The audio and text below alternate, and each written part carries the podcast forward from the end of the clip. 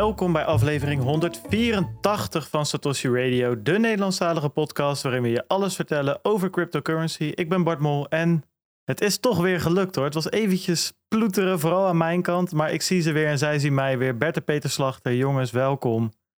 Ja, heerlijk. Maar ik durf niks meer te zeggen. Ja, kom op. Even hoppen, even uh, aan, aan de gang, Bart, jongen. Jij ook welkom, jongen. Dankjewel. Kijk, zo is Kijk, het, Bert. Op jou Ja, kan ik, ik, moet weer even opnieuw de balans vinden tussen wat we nou wel en wat we niet mogen zeggen van onze luisteraars. Ja, het is altijd eventjes een beetje schipperen. Hè? Ik bedoel, de Ja. een die vindt het prachtig om een adventkalender over IPA'tjes te zien langskomen. En de ander die haakt af. Dus het is altijd eventjes een beetje schipperen. Hè? En uiteindelijk, Peter, hebben we toch besloten om gewoon te doen wat we leuk vinden. Dus eh, haal, die adventka- haal die adventkalender maar weer. dat is nieuw voor mij. Dus een Even leuke kort dan, welk biertje heb je nu voor je neus? Want je hebt er wel eentje, hè? Ja, klopt. Eh, Lost van Brewdog. Is die, Die is niet van vandaag. Die is niet van vandaag. Dat Maar is wel achter, man. Ik ben aan het inlopen, Bert. Het dat is positieve Aan het eind van, aan het eind van anderhalf uur is hij zo lam als een toren waarschijnlijk. Ja. Ja. Is twee weken aan bier aan het inhalen. Ja, nou ja, goed, we gaan het zien. Nou ja, eh, even nog een updateje voor volgende week. De edit was inderdaad een hel. Er was niks aan gelogen, maar het is gelukt. Dat is dan wel weer, eh, dan wel weer fijn. Uiteindelijk viel het mee. Het is eventjes een beetje stoeien met de files, maar ehm, volgens mij is hij er goed uitgekomen. Eh, deze podcast wordt mede mogelijk gemaakt door Anycoin Direct, Bitcoin Meester, Watson Law, Ledger Leopard, Bitfavo, Amdax, Vanek, Blocks en BTC Direct. Alles wat wij vertellen is een persoonlijke titel en moet niet worden gezien als beleggingsadvies. Je seed, die vul je nergens in. Absoluut niet. Eh, behalve als je een eh ranch in je nek krijgt. Heb je dat gezien op opsporing verzocht van de week? Vond het wel freaky, moet ik zeggen.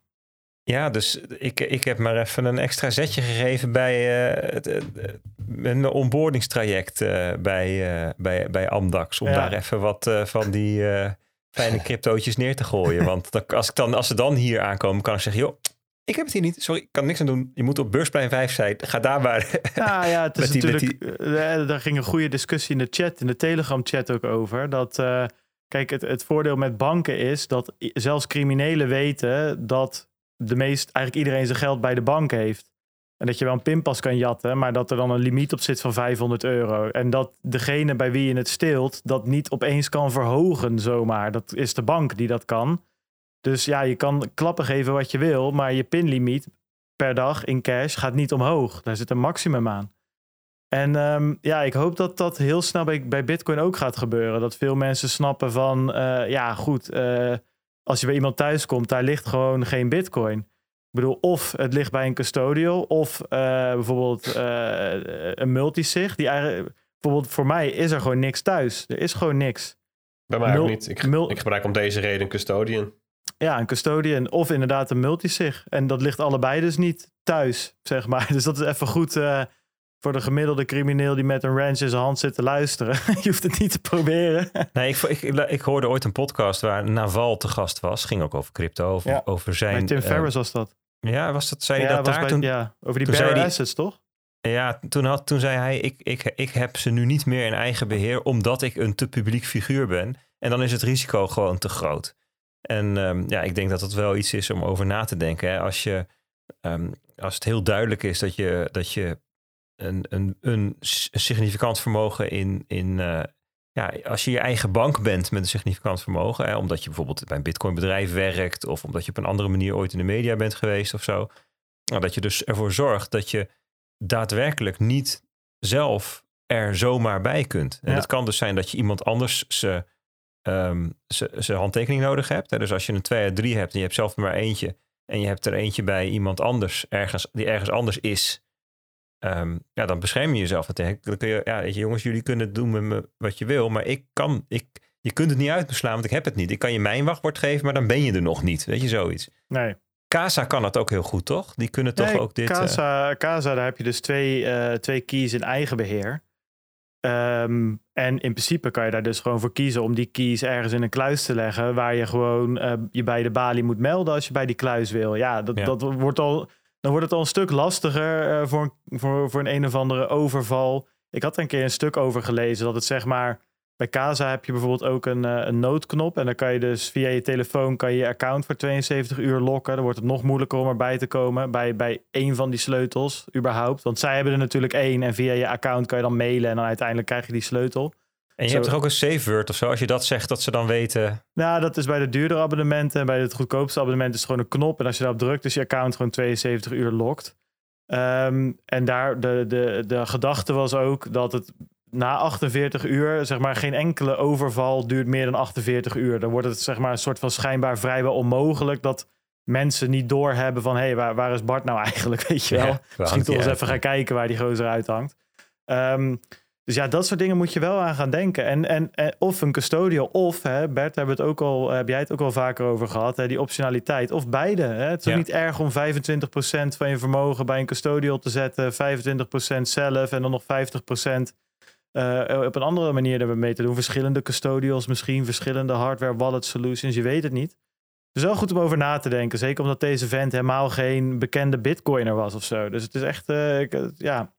Het zette mij aan het denken. Gelukkig heb ik mijn zaakjes had ik al op orde, want ik had er al over nagedacht. Maar het is voor iedereen toch even een... eh, ja, en ja, goed, daar gelukkig hoef je... Als je zo naar ons kijkt, hoef je daar niet druk om te maken. Ik bedoel, de Nike-truien en de bruine truien, die hangen gewoon in de kast. En het is gewoon hooguit een Apple Watch wat er aan de arm hangt. Maar dat is wel opletten, hè, jongens. Ja, maar goed, bedoel, wij zijn eh, relatief publieke figuren geworden. Zeg maar, zeker in de fintech sector. En van ons weet men nu ook wel, ja, er is überhaupt niks te halen. Het is gewoon mijn custodian. Vanwege dat bewustzijn eh, dat je een publiek figuur bent en dat het dus extra risicovol is. En voor heel veel andere mensen is het ook een belangrijk signaal. Het is dus een risico om, te gaan zitten flexen over wat je hebt. Ja, Mhm. Of dat nou op sociale media is of niet. Het is wel heel aantrekkelijk soms. Zeker als je hier niet over nadenkt. En je, en je bent per ongeluk, heb, heb je misschien wat vermogen opgebouwd. En je hebt het daar met wat vrienden over. En dat gaat als een lopend vuurtje. En ja, voor je het weet, dat, het eindigt heus niet elke keer in zo'n 5 dollar range attack. Weet je, dat, dat, natuurlijk is dat eh, eh, eerder uitzondering dan regel. Eh, maar dat, dat kan ook andere vormen aannemen. Mensen die misschien ja, op andere manieren iets bij je weg proberen te, te sluizen. Dus moet je gewoon heel goed Ja. over nadenken over je persoonlijke beveiliging, je OPSEC, je personal security. Wat geef je weg? En als het is, het is, uiteindelijk is het gewoon een, eh, it's a cruel world, weet je. Ja, Je, je, denkt misschien bij, je denkt misschien bij phishing, denk je misschien aan van die hele op duidelijk, overduidelijke, opzichtige WhatsApp-berichtjes. Maar als je als een, een, een phishing-campagne op jou richten, met kennis van jou, en ze verdiepen zich erin, en dat doen ze als ze weten dat wat te halen valt, dan kan het best wezen dat zelfs jij daarvoor valt. Terwijl je denkt, nou, ik heb genoeg screenshots gezien, hier trap ik niet in. Ja, uiteindelijk is, en dat leer je eigenlijk van alle eh, white hat hackers die ehm, zeg maar, wat van hun ervaringen delen. Uiteindelijk is de mens doorgaans de zwakste schakel in beveiliging.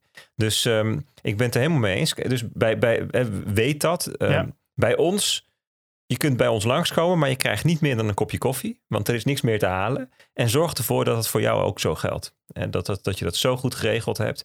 En het zijn toch dingen om, om over na te denken. Niet alleen maar ehm, als er iemand aan je deur staat, maar ook denk ook even aan een situatie dat je om een andere reden overlijdt of weet ik veel wat, eh, kan, kan, kun- kunnen mensen dan bij je bitcoin komen. Mhm. Dus Ja, be your ja, own zeker. bank, dat heeft, dat, dat, dat komt met verantwoordelijkheden waar, je, waar, waar we al 50 jaar niet meer over na hoeven te denken. Ik, ik, eh, ik las van de zomer weer even wat stukken uit het boek van, volgens mij heet ze Anne-Grete Boer, geloof ik, Gouden Jaren, heet het boek. Ehm, en dat gaat over hoe de wereld is veranderd tussen 1950 en nu. Waanzinnig. En dan schrijft ze ook over de introductie van, eh, eh, van de Giro. Hè? Ja, dus ja. dan heb ik niet over die broker, de Giro, maar over Giro. Dat was dan de allereerste plek waar je je geld naar een bank kon brengen. En dan, on, en dan had je, in plaats daarvan had je een rekening. In plaats van dat je gewoon je loon in een zakje kreeg, weet Ja. je wel. En ik bedoel, Ik kwam daar laatst trouwens een video van tegen, Bert. Die, is, eh, die zal ik ook nog even in de channel weer een keertje sturen. Dat was dan Girotel of zo. Maar dat was voor de eerste keer dat het, dat het digitaal Online, online, ja. online even tussen aanhalingstekens. internetbankieren heette dat toen. Inter- Moest je inbellen, het programma opstarten. Nee, nee, nee, maar we echt nog voor het, voor het internet. Ik zal hem eens even opzoeken. Ik heb hem gelijk. Maar ga, ga verder met je verhaal. Maar het, punt is, we zijn dus vergeten om ehm, hè, dat we zijn, we zijn heel erg zeg maar komen te eh, steunen en leunen op het bestaan van een betrouwbaar instituut, namelijk een bank, die alles voor je fixt, alles voor je regelt. Ehm, En dat is op zich op allerlei redenen handig. Maar het maakt je ook heel erg afhankelijk. Het is ook Ja. fragiel. En het is, zoals het geld nu is, moeilijk geschikt voor een toekomst waarin je 24-7 in een flits, bijna gratis, geld naar de andere kant van de wereld wil kunnen sturen. Er wordt ook aan gewerkt door centrale banken, digitaal centrale bankgeld. Techbedrijven zijn bezig en je hebt open source geld. Weet je, dus waar Bitcoin dan ook onderdeel van is. Dus we zijn met z'n allen dat, dat dit hele vraagstuk aan het verkennen. Maar onderdeel van open source geld, van Bitcoin, van geld dat op zichzelf staat, waar geen tegenpartij is, ja, is dat je dus ineens over allerlei dingen ook verantwoordelijkheid hebt. Nou ja, goed. Leuke aanleiding om het hier even weer over te hebben. Zeker, zeker. Ja, Ehm, precies. Dus de, ja. de, de TLDR is gewoon, let gewoon goed op je privacy. en vul je seat nergens in. Precies. Precies. Eh, steun de podcast door te luisteren via Breeze. Wil je 1 euro per uur betalen? Stel dan de app in op 38 sats per minuut. Je kan dat checken op sats.trading. We zijn bereikbaar via Telegram op Twitter en Twitter. De links vind je op www.satoshiradio.nl. En natuurlijk schrijf je in voor onze nieuwsbrief bitcoinalpha.nl. De enige nieuwsbrief die je beschermt en versterkt. Ja, het is ongekend. Houd je jong. Houdt je gewoon heerlijk jong. ja, ik zit hier gewoon echt. Ik zie hier iets hilarisch langskomen. Dan kan ik gewoon eventjes niet mijn bek houden. Nee, maar echt, Bert, Ik- het is zo ongekend. Het ene moment valt hij weer weg, zit hij weer incognito. In een- wie zit er nou in een incognito-browser op, op Riverside? Waar slaat het nou weer Gozer, op? even serieus. Dan valt hij Ik weer weg, gebruik echt allemaal heel meldingen. vaak incognito. We hebben het net over privacy gehad. En dan ga jij nu zitten, zitten miepen over het ik- gebruik van een we- incognito venster. Ja, wel hier, ja. We hebben al tien keer gezegd, dan zit hij weer achter een VPN. Wat is de volgende keer? Ga je achter een Tor had, jij, relay zitten had, jij zo? had Eh, jij geweten dat Riverside niet zou werken in een incognito venster? Ja, want hij loopt elke week de ouwe hoeren als je weer wat probeert. De ene keer is de VPN, de andere Nee, keer dus is de dit is verkeerde dus browser. De andere keer is de is dus verkeerde, verkeerde nee. Mic. je- zit hij weer. je had het elke dus niet met die gozer. Jongen, jongen. Maar goed, je, wat heb je maakt er weer een mooi gezien? verhaaltje van. Maar Wat even serieus, die, ontwikkelaars van Riverside, dat zijn gewoon prutsers. Je gaat dus niet na het starten van een recording zitten miepen na vijf minuten. Je zit in incognito. Had je niet moeten doen. No Nee, shit. klopt. Nee, klopt. Weet je, geef het Jullie dan van alle- tevoren aan. Alle twee gewoon Hey, maar redelijke dombo's. Even Wat gratis heb je voor- volgende week. Ja. Netscape 4 doet hij het ook niet in. Nee. Internet Explorer kan je ook laten. Nee, maar, maar goed, waar ik op moest lachen. Ik las, Ja. zat dus in, ik las in een chat las ik een, een gesprekje over wat, weet je, wat je kunt doen voor nabestaanden en je private keys enzovoorts. Ja, dus er was de vraag, luguber misschien, wat leg je in je kluis naast je private keys voor eventuele erfgenamen? Waarop iemand zegt, een briefje met HFSP. Ja. ja, ja, vind ik mooi. Ja. Ja, is het ook. Ehm, we hebben Bitcoin Alpha gehad. Dan gaan we gewoon door naar de donaties. Dat, eh, we, knallen hem lekker door. Gewoon vanaf 13, eh 13 minuten zitten we gewoon... Hebben we hier Bart B. namens Pimmetje Pom eh 5 eh, euro. Dat is 10.000 sats. Neusvleugel, daar is hij weer. 10.000 sats. Pimmetje Pom zelf 4.000 sats. Arjan 20.000 sats. Zegt nog niet zo lang in crypto. Maar dit is wel heel vet. Ga zo door. Lightning Look 10.000 sats. Een anonieme... donatie van 2000 sats. We hebben Bowebo, Jan, die heb ik even tussen laten staan, want die stuurt 250.000 sats. Nou, dat is weer niet niks, eh, Jan. Ik zit even te kijken waar mijn big crowd cheer is. Nou, hier is die jongen. Even voor jou meteen.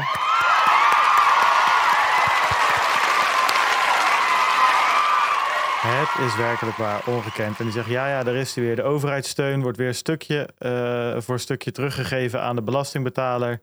Die 88k sats van vorige week ook maar even verbeteren. Thanks Jan. Master B stuurt 100.000 sats. Ehm, nou goed, dat is eigenlijk ook wel een applausje waard. Master B.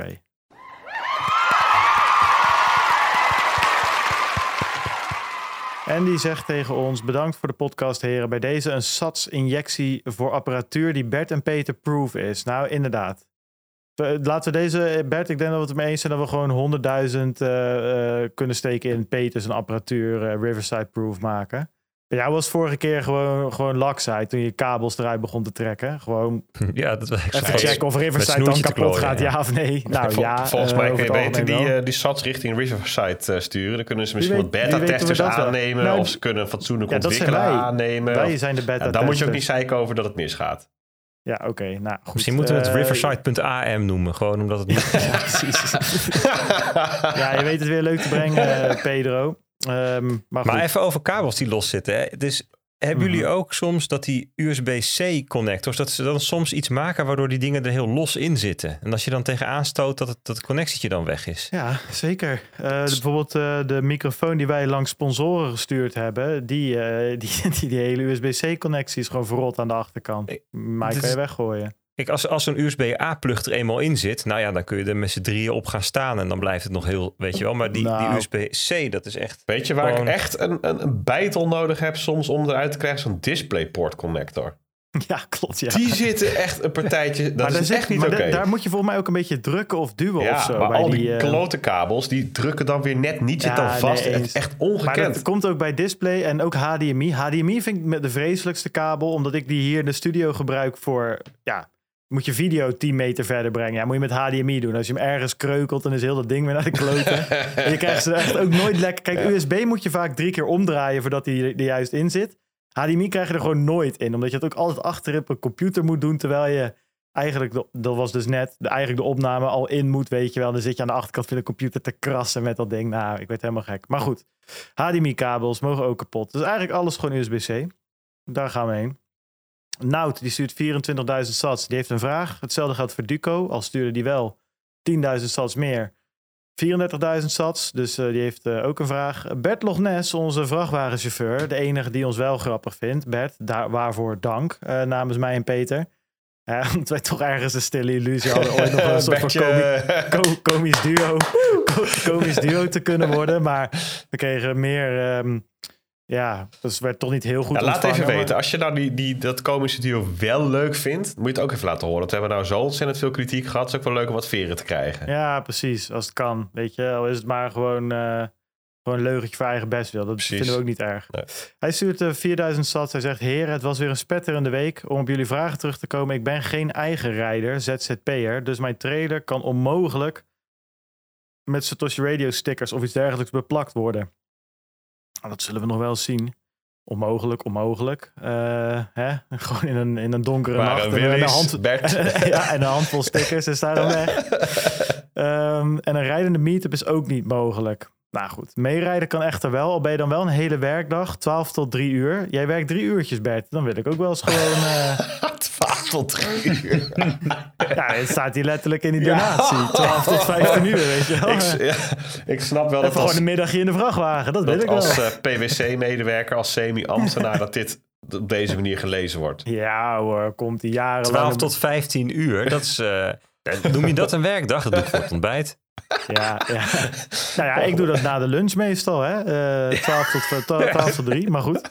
Hij hoort het wel. Nou, wie, wie weet. Ehm, misschien moeten we dan een soort van ehm eh, eh, estafette doen. Dat je gewoon begint met Bert en dan eh Peter en dan ik eh daarnaast, weet je wel. Dan gaan we een broodje bal eten of zo. Mark uit Limburg, 2200 sats. En ja, dit, dit, dit doet pijn, weet je. Hij zegt het ook zelf. Ai, ai, ik zal het voorzichtig brengen. Mannen, let op dat het niet te lollig gaat worden. En alsjeblieft, hou die diepgang erin. Alsjeblieft, ik smeek jullie op de knietjes. Echt, die diepgang, die diepgang, hou hem erin, zegt hij. Ik lees even tussen de regels door. Hè. Dit is echt, dit is hoe ik hem voel. Ik heb een hekel aan lezen, dus de nieuwsbrief gaat aan mij voorbij. Ehm, hopelijk hiermee niet alle diepgang waar ik iedere week zo naar uitkijk. Nou, we hebben deze week weer ons best gedaan en eh, zullen het voor de rest eh, enigszins eh, binnen de perk houden. Maar uh, Markie, hou je nog wel van ons? ik hoop het wel hoor. Ja, moet je even laten weten. Ik wou net zeggen. Nou, deze week gewoon weer voldoende diepgang, weet je wel. Echt, uh, we klappen er, er, zo diep in, dat is echt wel ongekend. Dat, uh, dat, dat is echt niet normaal. 90.000 sats hadden we vorige week, dat is 44 euro. We hadden wel zes notes. Deze week is het omgedraaid. We hebben 470.000 sats, 201 euro, maar nul notes. Dat heb ik echt in tijden niet gezien. Jongens, ja, kom op. Uh, ik denk dat daar ook wel een resistance zit. Bij de nul. Ja, ja, dat hoop ik wel, ja. Of support, zouden we ook kunnen zeggen.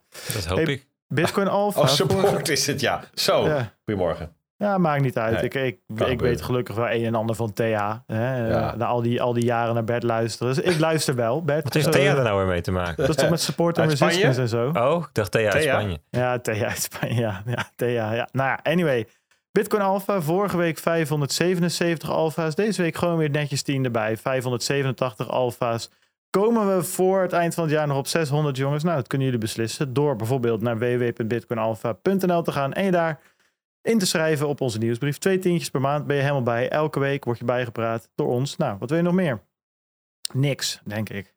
Heel veel mensen... koers boven de 60.000 dollar. Ja, zou lekker zijn inderdaad. Maar goed, daar kunnen we weinig aan doen. We houden je wel op de hoogte als het gebeurt. Dan krijg je het echt direct te horen van ons. Uh, we hebben een paar luisteraarsvragen. Uh, zullen die maar eens even gaan, uh, gaan behandelen? Ja? Nou, Goed idee, man. Zwijgen is instemmen, zeg ik dan maar. we hebben hier Nout. En Nout heeft het over overconsumptie en hardgeld. Hij zegt een concrete vraag voor in de podcast. Gaat hardgeld, zoals bitcoin of goud, overconsumptie tegen? En is het daardoor dus goed voor het milieu? Dat is zijn vraag. Hij zegt context. Nu je bijna uh, gratis geld kan lenen bij de bank om bijvoorbeeld je keuken of je badkamer te vervangen. Nou, consumptief krediet is nou ook niet bijna gratis hoor, zou ik zeggen. Maar goed, het is goedkoper dan een paar jaar terug. Uh, maar hij zegt, als dit door hard geld niet meer gratis is, dan zullen mensen langer met hun spullen doen en zal de overconsumptiecultuur wellicht veranderen. Hoe denken jullie hierover? Is het een legitiem argument om te gebruiken tegen mensen die roepen dat bitcoin slecht is voor het milieu? Groetjes, Nout. Wat heb je hierover te zeggen? Nou ja, ik zie. Oké, dan moet ik even mijn best doen om niet jouw gras voor Nee, mag hoor. Dat, want ik, ik, eh, zie een heel, heel, heel grasveld neergelegd door jou namelijk. Begin maar eens, begin maar eens met de randjes, zou ik zeggen. Van het grasveld. Um, ja. ik ben het op zichzelf wel... Ja, helemaal letterlijk genomen zijn deze vragen... Die vragen zijn iets te specifiek. Zeg maar, gaat het overconsumptie tegen? Hangt ook een beetje vanaf hoe je dat bekijkt. Op populatieniveau misschien, op individueel niveau weet je dat niet. Maar ik, ik denk dat er wel een uh, belangrijk kern van waarheid in zit. dus dat je um, wat je nu hebt, dus je kunt zeggen het is nu unsound money. Dus, dus uh, ja, wat, de, wat is de juiste Nederlandse term daarvoor? Hebben die eigenlijk? Niet hard. Ja, niet, niet hard. Zacht geld. Weak. weak. Ja, uh, nou ja. Soft. Eigenlijk gewoon geld dat, dat eenvoudig. Er is een governance, bestuur van een geldsysteem waarbij relatief eenvoudig vanuit de centrale partij invloed uit te oefenen is op de geldhoeveelheid. Ik denk dat dat een goede omschrijving is. Um, en ja, als dat de spuigaten uitloopt, zoals nu het geval is, het is nu zeker de spuigaten uitgelopen, dus centraal centrale bankiers die zichzelf in de hoek geverfd hebben. En eigenlijk de knoppen waar ze aan kunnen draaien, die doen eigenlijk niet meer zo goed wat ze willen. Althans, ze doen nog wel iets, maar het heeft allemaal ook bijeffecten. Um, ja, dan krijg je allerlei perverse incentives binnen de markt. Waaronder een zoektocht naar rendement en het nemen van risico. Uh, en een focus op korte termijn rendementen. Want er hangt namelijk altijd iets boven de markt dat als de centrale bank wel ingrijpt, dat dat dan ook gedaan is met die rendementen. En het lastige is dat je voor milieu, klimaat, onderwijs, zorg, woningbouw, al dat soort taaie dossiers, daar heb je uh, lange termijn beslissingen voor nodig. Je moet dan eigenlijk voorsorteren op eh, de waarde die je over jaren heen daaruit gaat halen uit, uit je activiteiten nu. En dat staat eigenlijk tegenover al die korte termijn beslissingen. Uh, die worden gevoed door hoe ons geld nu in elkaar zit. Zeker anno 2021. Nou, daar hebben we het nou regelmatig over gehad. En ons geld is stuk tussen aanhalingstekens. dus we zitten nu helemaal in een situatie dat ja, eh, je ziet nu wat, wat, waar zo'n systeem terecht kan komen. Dat, dat is niet per se dat het systeem fout is. Hè? Want als centrale bankiers in de afgelopen 40 jaar andere beslissingen hadden genomen, hadden we misschien nu niet gezeten met een geldsysteem dat op slot zit. En in theorie kan dat ook op, uh, hadden er ook heel andere beslissingen genomen kunnen worden. Dus ik denk niet dat over- en onderconsumptie of dit soort uh, perverse prikkels die leiden uit een uh, geldsysteem dat manco's vertoont, per, per definitie gekoppeld is aan het, aan het hebben van een anker, of het hebben van hard geld, of het hebben van uh, sound of unsound money. Um, maar ik geloof wel dat, dat hard geld, dus sound money, het makkelijker maakt om de discipline die nodig is om overconsumptie te voorkomen, om korte termijn beslissingen tegen te gaan, uh, dat wordt makkelijker gemaakt als er een anker is waar je eigenlijk geen grip op hebt. Zoals goud dat was in het verleden. Dus dat zou mijn uh, afdronk zijn bij deze vraag. Ja. Ik, um, of jij, wat, heb jij er wat aan toe te voegen, Bert? Nee man, ga maar. Oké. Okay. Um, ehm, nou, ik, wat ik met dit soort dingen sowieso over argumenten over het milieu en uitstoot en het klimaat, zeg maar. Dat is een beetje.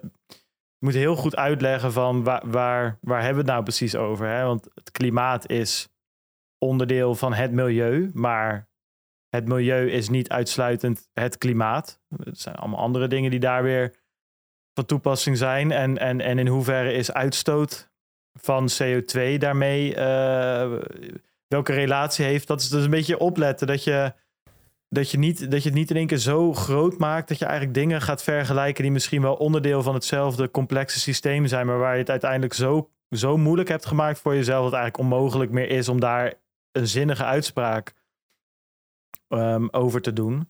En dat gaat hier een beetje. Hij heeft dus hè, hard geld en overconsumptie. Best wel een specifiek ding. Maar dat wil je dan gebruiken om uh, als legitiem argument tegen mensen die roepen dat Bitcoin slecht is voor het milieu. En dan, ja, dan heb je wel, ja, vind ik een lastige. Omdat nou, ik dan ik denk. Vind, ik vind op zichzelf de, de notie dat als je met een unsound money werkt, um, dat, dat het dan makkelijker is om beslissingen te nemen um, waarvan je kunt afvragen of het de juiste zijn. Als je gaat kijken naar welke mm -hmm. natuurlijke bronnen gebruik je ergens voor. Uh, dat is in die context natuurlijk makkelijker dan als je een geld hebt dat sound of hard is. Zeker. Uh, dus in, in in die zin zal je er wel misschien een verband tussen vinden, maar dat gaat niet oneindig door. Ik vond het ook wel uh, leuk, dat ze, daar zijn Lex Hoogduin zei daar ook wat van in de afgelopen CryptoCast, waar Bert de presentator was. Zijn eerste presentatie uh, optreden op, op de radio, ging hartstikke goed. En hij had het over een collega die heeft onderzoek gedaan naar uh, in hoeverre het hebben van zo'n inflatoir geldsysteem iets bijdraagt aan de, aan de, aan de productie. Uh, en um, hij gaf eigenlijk vrij duidelijk aan van ja, en het ging dus over de vraag: heeft ons huidige geldsysteem ons ook gebracht waar we nu zijn? Is dat te danken aan dat geldsysteem dat we nu hebben? En hij zei dat gaat maar gedeeltelijk op. Hij, hij zat aan de kant van dat dat is niet waar. Dat had ook met een ander geldsysteem gekund. Ja, het heeft wat bijgedragen aan waar we nu staan. Dat we de geldhoeveelheden uh, eigenlijk constant hebben kunnen verruimen. Maar het is eigenlijk maar. Dat, dat gaat over een uh, geringe periode van die 40 jaar waarvoor dat geldt. Ik heb de exacte cijfers niet, want dat Lex toen mm. ook niet tijdens de aflevering. Um, maar ik, ja, op zich snap ik de. de uh, even terugkomend op de vraag van Nout. Ik snap wel het verband, zeg maar, die legt tussen het hebben van hard geld. Um, en het voorkomen van overconsumptie. En dat, daar zit geen, niet per se een kausaal verband tussen. Uh, maar ik denk als je naar de populatie zou gaan kijken, je hebt een geldsysteem met een neutraal anker, dat discipline inbrengt, dat de kans op overconsumptie wel kleiner is. Nee, dat, ben, dat ben ik helemaal met je eens. Maar uiteindelijk, ook met een, een geldsysteem zonder zo'n anker, zou je alleen maar beslissingen kunnen nemen die totaal niet schadelijk zijn voor het milieu. Je... Nee, dat, ik, ben, ik, ik zeg ook niet, eh, of in ieder geval, ik ben het met je eens met deze toevoeging. Ik denk dat het een hele goede toevoeging is. Alleen in de vraag van Nout komt die causaliteit wel naar voren. Als in, gaat hard geld over consumptie tegen? En, en is het daardoor dus goed voor het milieu? Dat is, zeg maar, eh, dat, dat, dat vind ik een. Eh, mijn, mijn enige punt is, dat vind ik gewoon om, om de discussie gewoon even neer te zetten. Ik vind dat lastig, omdat je het echt over, over de meest complexe systemen hebt. Het milieu en het geld. Dat ze, het, het is lastig om, om zulke grote dingen daar, uh, daar, daaruit te trekken. Ik dacht, misschien is het goed. En ik denk dat Bert goed kan inhaken. Um, uh, luister ook even die podcast. Bert is bij de NRC-podcast geweest, Future Affairs. Daar ging het ook over deze vraag. Eigenlijk bijna, bijna 50 minuten lang. Uh, bijna een uur lang dus. Uh, dus luister die, ook vooral, uh, luister die ook vooral terug. Maar ik denk dat het even goed is om te kijken van... kunnen we in een aantal stapjes even uh, het scenario schetsen... en misschien de gevolgen van hard geld. En eigenlijk wat je dan dus zegt... of zo heb ik hem even platgeslagen... is in plaats van inflatie gaan we naar een systeem toe... naar geld toe, gaan we naar deflatie toe. Dus je koopkracht gaat elk jaar vooruit... en de prijzen gaan dus omlaag. Of in ieder geval, ja, dat, dat is wat het is. In plaats van inflatie waar koopkracht achteruit gaat omdat de prijzen omhoog gaan. Uh, althans, daar had Lex ook wat interessant over te zeggen in de CryptoCast. Maar ga die maar sowieso gewoon luisteren, dan kom je daar vanzelf op. Wat, wat, uh, wat kunnen we in vijf minuten zeggen, Bert, over, over een systeem, waar, een geldsysteem waar dus we eigenlijk streven naar deflatie of waar we deflatie zien de facto? Ja, dat is dus niet per se hetzelfde als, een, als, als hard geld. Ja, want je kan ook prima met een fiatmunt um, deflatoire beleid voeren. Alleen dat doen, dat doen we niet in de praktijk, maar het zou wel kunnen. Ja. dus alleen een hard geld um, dat stelt wat eisen.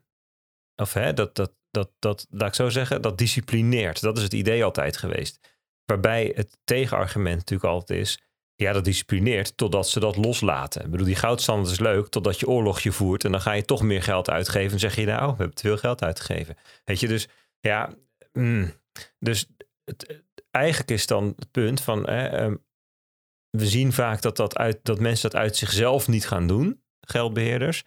Dus is het um, de utopische verhaal dan dat van de hyperbitcoinization. En dan krijg je een inelastisch geldsysteem waarbij de aanbodkant, de hoeveelheid geld hoeveel het vast ligt, namelijk 21 miljoen.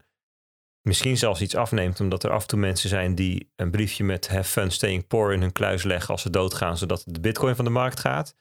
Um, of een kies kwijtraken. Misschien um, groeit de bevolking of groeit de productiviteit van de bevolking.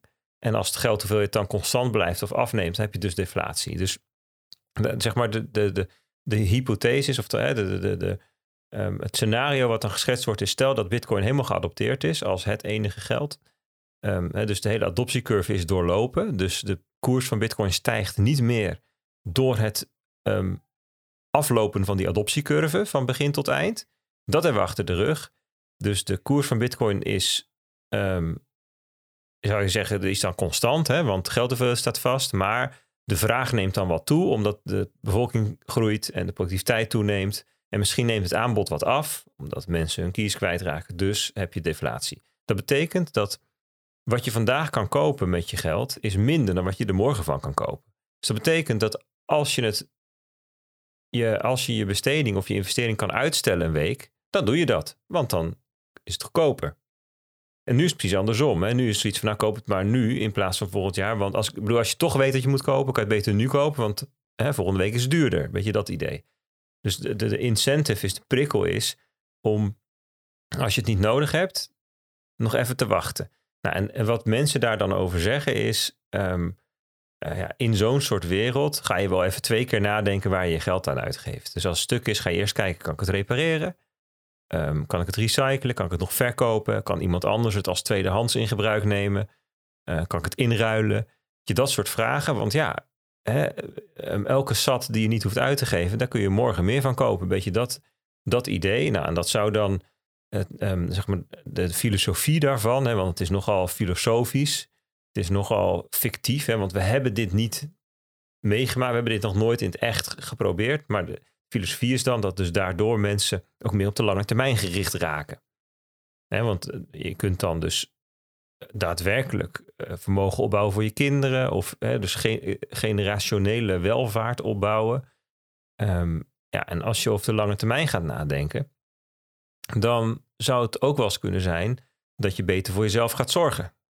want, nou ja, ik bedoel, als je dadelijk over, over over 30 jaar, 40 jaar, dan denk je, dan moet wel zorgen dat ik er dan nog ben. Dus misschien hè, roken, eten, weet je, dat soort dingen kan, kan zijn. Hè, dat, dat, dan, dat, dat soort gedachten komen er dan, komen er dan op. Hè, dus dat mensen beter voor zichzelf gaan zorgen, beter voor elkaar gaan zorgen. Dat ze um, nadenken over hun kinderen, over hun nageslacht, over wat ze, wat ze um, de aarde nalaten. Hè, dus het gaat ook over ehm, wat je bijdraagt aan de samenleving, aan de maatschappij. En nou, dat is dan het utopische verhaal. De schitterende wereld met bloempjes en vlindertjes van de wereld van een defla deflatoire geld. Um, ja, daar zijn ook best wel wat dingen tegenover te zetten. Namelijk, in zo'n situatie is het veel moeilijker om aan financiering te komen. Als je een bedrijf wil starten of als je uh, in de problemen zit. Hè. Dus stel dat je op een of andere reden het, heeft, het, heeft het leven jou een slechte uh, hand kaarten gedeeld en je, je gaat failliet. Dus je moet weer geld lenen om er bovenop te komen. Dan zul je in de toekomst heel veel moeite moeten doen dat, om die lening ooit weer af te betalen. Want die lening die wordt voor jou elk jaar duurder om die af te betalen. En ook als je een bedrijf gaat starten, en haalt geld op bij familie, vrienden, bij de bank, whatever, om, om investeringen te kunnen doen in machines, in gebouwen, personeel voor de eerste paar jaar. Ja, je moet heel erg succesvol zijn, wil je die lening ooit kunnen terug gaan betalen. Ja, dus er zijn ook. En de rente op die lening zal ook stijgen. Ja, dat is een interessante vraag. Wat gebeurt er met de rente? Hè? Want op het moment, inderdaad, uh, als jij je bitcoins vasthoudt, kun je er volgend jaar meer van kopen dan dit jaar. Dus als je het uitleent, wil je daar dus zeker ook wel rente op. Hè? Anders kan je het beter vasthouden. Dus je wil gecompenseerd worden voor het risico. Het risico dat iemand ze niet terugbetaalt. Um, dus ik bedoel, nu, nu nemen mensen eigenlijk genoegen met 0% rente. Ik bedoel, die, zijn allerlei bedoel, pensioenfondsen staatsobligaties waarvan ze weten dat ze er verlies op maken. Natuurlijk omdat ze er verplicht toe zijn vanwege de regels. Maar ook omdat het beter is om veilig het geld de toekomst in te transporteren dan risico's te nemen. En dat ga je niet doen als je geld gewoon meer waard wordt. Dan ga je geen tegenpartijrisico nemen als het niet nodig is, weet je wel.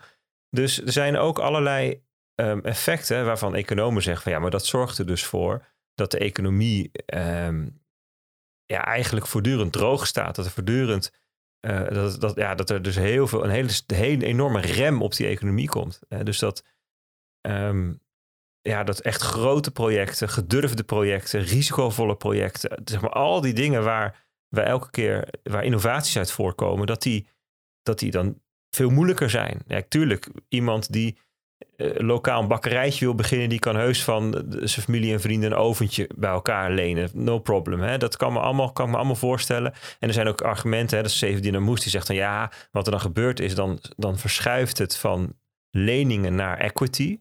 Dus mensen die gaan niet meer geld aan jou lenen, maar die kopen zich in in jouw bakkerij. En uh, krijgen daarmee dus recht op een, stukje van de toekomstige cashflow. Allemaal dus allemaal dingen op te bedenken, maar met name op het, op het stuk van hoe kan je nou grootse gedurfde projecten financieren, wordt dan heel veel ingewikkelder. Hoe kan een overheid herverdelen? Ja, dat is natuurlijk iets waar libertariërs echt van walgen. Maar ja, dus onze, onze samenlevingen zijn nu zo ingedeeld. Kijk, vroeger zorgden mensen voor elkaar. Familie zorgde voor elkaar, de buurt zorgde voor elkaar, de kerk zorgde voor de mensen in het dorp, verzint allemaal maar. Dat is niet meer. Mensen die. De grote stad heb je geen idee wie je buren zijn. Als, je, als ik, bedoel, ik, als ik in, in Utrecht de bus instap en ik groet de buschauffeur, dan denkt hij dat hij overvallen wordt. Die man die schikt zich een, een, hoedje, want niemand die groet. Weet je, dat, dat is een beetje de, de, de solistische, geïndividualiseerde samenleving. Ik overdrijf natuurlijk een beetje, maar. Um, want de staat zorgt voor ons elk mens moet financieel onafhankelijk zijn in de zin van vrouwen die moeten niet afhankelijk zijn van het gezinsinkomen. Weet je, er wordt heel erg op gepusht, want je moet helemaal je eigen broek kunnen ophouden en anders is daar de staat die dat regelt. De staat heeft al die functies overgenomen, die herverdeelt, die is het, die is het vangnet. Ja, dat soort dingen kunnen niet als de staat niet, als dat nodig is, uh, serieuze bedragen kan lenen, slash kan printen. Nou ja, dan moet het... Uh dan moet het worden opgehaald bij de bevolking in standverhaal. Ja, ja of lenen. Ja. Lenen, ja, ophalen. Ja, maar lenen om het in de toekomst dus duurder terug te betalen. Ja, nee, zeker. Dus, dus eh, dan, moet, dan moet je met een beter verhaal komen. Misschien is het, is het... Ik heb wel een leuk voorbeeld als het gaat... Jij had het over... Hè, uh, nee, ik, ik schets... Voordat je verder gaat, ik schets even de twee kanten van het verhaal. Hè, van nee, dat, goed. dat, dat als je zeg maar je een voorstelling maakt van hoe zou een inelastisch geld werken daar zijn dus hele utopische en er zijn wat dystopische kanten aan. En hoe het echt uitpakt, of er daadwerkelijk een fundamentele gedragsverandering bij mensen, een nieuw soort cultuur, een nieuw soort um, ideologie, een nieuw soort manier van in het leven staan mhm. ontstaat. Dat, dat is mij betreft niet gezegd. Dus ik zou niet durven zeggen hoe het uitpakt. Dat is eigenlijk meer het ding. Dus ook naar het milieu toe, I don't know. Nee. Bart. Eens. Nou ja, ik, jij had het ook over hoe, hoe financieren we dan grote projecten in zo'n systeem. En uh, wat ik wel een leuk voorbeeld daarvan vind, dat zag ik toevallig vanochtend uh, op het journaal toen mijn ontbijtje aan het, uh, uh, aan het eten was, dat er een een of andere toren op de Sagrada Familia in, in Barcelona is afgerond. En daar hebben ze een of andere enorme, ja, ja, ik zou bijna, maar dat is niet respectvol, een of andere kerstster opgezet. Maar dat zal een of andere speciaal soort ster zijn wat, wat een bijbelse betekenis heeft. Maar het punt ging erom dat ze, en daar werd dan bij gezegd, ze zijn nu uh, nog bezig met een uh, toren voor Jezus aan bouwen, die nog groter moet worden dan deze toren. En wanneer die af is, dat weten we niet. Want uh, dit hele project wordt dus voor eigenlijk het grootste gedeelte be be betaald door donaties. Dus um, ik vond dat wel een mooi voorbeeld als je het dan hebt van ja, hoe financier je nou hele grote projecten zonder daar afhankelijk zijn te zijn van uh, het eigenlijk uh, het, het, Cantillon-effect. Dus dat je niet snel geld ophaalt bij allemaal venture capitalisten, noem het maar op. Ja, dan kan het dus wel. Als je dus genoeg... Ja, goed, nou is dit natuurlijk... de Sagrada, Sagrada Familia is natuurlijk een van de de kerken, de, de, de, de, de meest belangrijke kerken, of wat is het? Uh, basiliek. Ja, goed. Dat, er zijn natuurlijk heel veel gelovige mensen die, die, die, die heel, hier heel graag aan mee willen helpen. Maar zo zie je dus wel, als je maar genoeg mensen achter jouw plan kan scharen, en om in dit geval gewoon een mokergrote basiliek te bouwen, ja, dan duurt het wel lang, want ze zijn al sinds 1882 aan het bouwen. Dus ze zijn inmiddels 140 jaar verder. Maar het wordt wel gebouwd. En uh, je wat ik leuk vond, en dat is een beetje zo'n tweede orde effect waar we altijd naar zoeken. Dat de mensen in Barcelona, die waren echt, ja, er was een hele groep mensen die daar aan het kijken was. Die waren apen trots dat deze uh, toren nu eindelijk af was. En dat, dat, dat die, dat die uh, ster, die verlichting daarop zat. En ja, dat was echt, de, de, de stad zal nooit meer hetzelfde zijn. Dat was wel echt iets waar na, naartoe geleefd wordt. En dat is weer zoiets van, een beetje weer dat, langer termijn denken van ja, de, de reward is ook wel leuker en misschien wel, wel, wel beter als je wat langer op iets moet wachten in plaats van een of andere toren. Zoals in Rotterdam, waar we ook heel trots op zijn dat, dat, dat binnen een jaar de hoogste woontoren van Nederland uit de grond is gestampt. Dat is ook heel knap. Maar dat, ja, we zijn alweer bezig met de volgende. Dus ik, ik vond het een mooi. Ik zat, toevallig aan te denken, ik zal het vanochtend langskomen. Ik vond het wel een mooi voorbeeld van een enorm project. wat toch op een andere manier gefinancierd wordt. En dat je dus eigenlijk direct daar alweer effecten van ziet die, misschien, die je misschien mee zou kunnen nemen naar een ja, hyper-Bitcoinized world of een wereld waar we überhaupt wat, wat minder op consumptie uh, ons fixeren en wat meer op de lange termijn. Ik vond het wel een grappig voorbeeld. Um, nou, Nout, uh, je hebt echt uh, waar voor je geld gekregen, hopen wij. Dan gaan we even door naar Duco. Die heeft een vraagje over uh, onze vrienden bij de SEC. En ik ga daar ook even kort antwoord op geven, Duco. Of ja, Peter mag er ook nog op inhaken. Ik zie dat hij er wat bijgeschreven heeft. Ik, ik zal hem eerst even voorlezen. Laten we, daar, laten we gewoon niet van, de, van het format afwijken. Ik zit met een vraag met betrekking tot de Amerikaanse beurswaakhond, de SEC.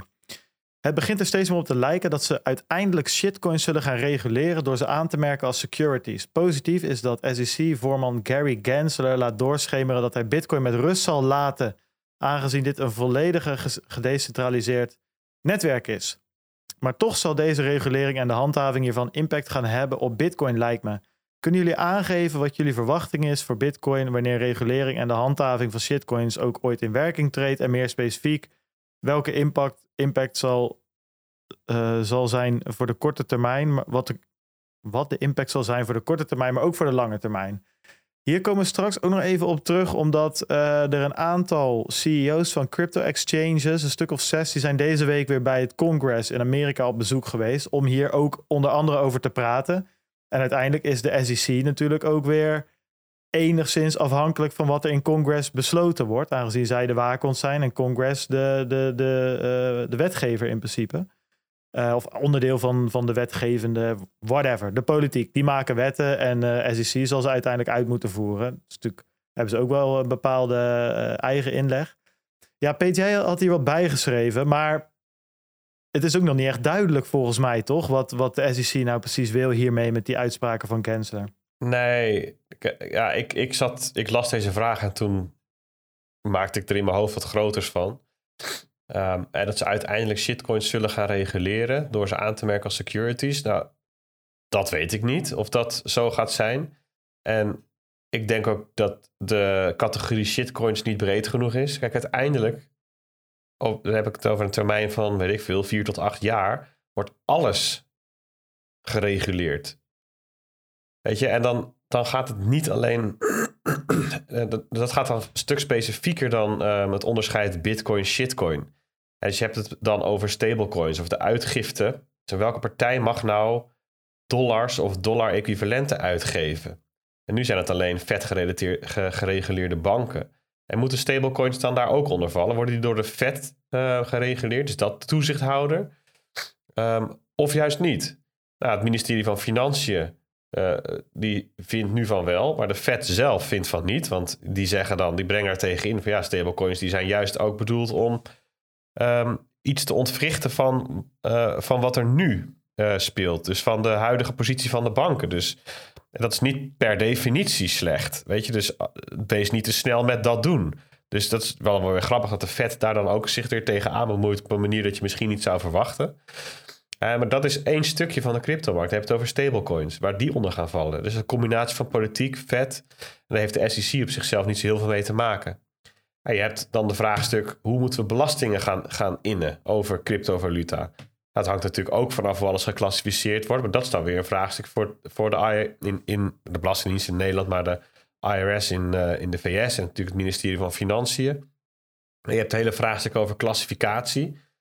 Uh, wat valt er nou onder toezicht van de SEC? Wat valt onder toezicht van de CFTC? Wat valt onder toezicht van de Fed? En welke, waar er nog meer zijn? Dat speelt ook in Nederland natuurlijk. Hè? Want daar heeft de AFM volgens mij deze week weer gezegd van... we kunnen niks, we kunnen niks uh, Klopt, op die cryptomarkt. Dat, dat, speelt ook in Nederland. Hè? En um, ja, weet je, dan, dan ga je dus... Uh, daar komt die discussie vandaan waar Gary Gensler ook bij betrokken is. Daar heeft hij zichzelf niet bij betrokken, maar hij heeft een paar jaar geleden iets geroepen uh, tijdens een uh, presentatie over uh, of Ether nou een, een commodity is of niet, geloof ik, hè? Ja, ja, ja. ja ik, Volgens mij niet een paar jaar. Voor mij was hij redelijk recent daar nog, nog over.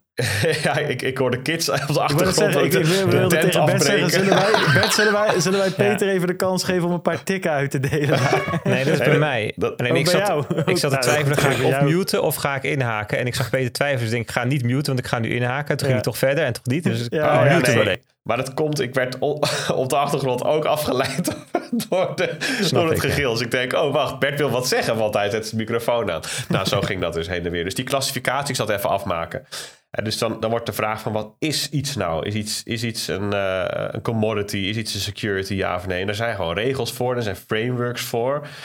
Uh, en daar komen misschien ook wel een soort van uh, speelvelden voor. Dat je mag beginnen zonder die klassificatie en kan bewijzen dat iets geen security is en dat je daar een bepaalde periode voor hebt en zo.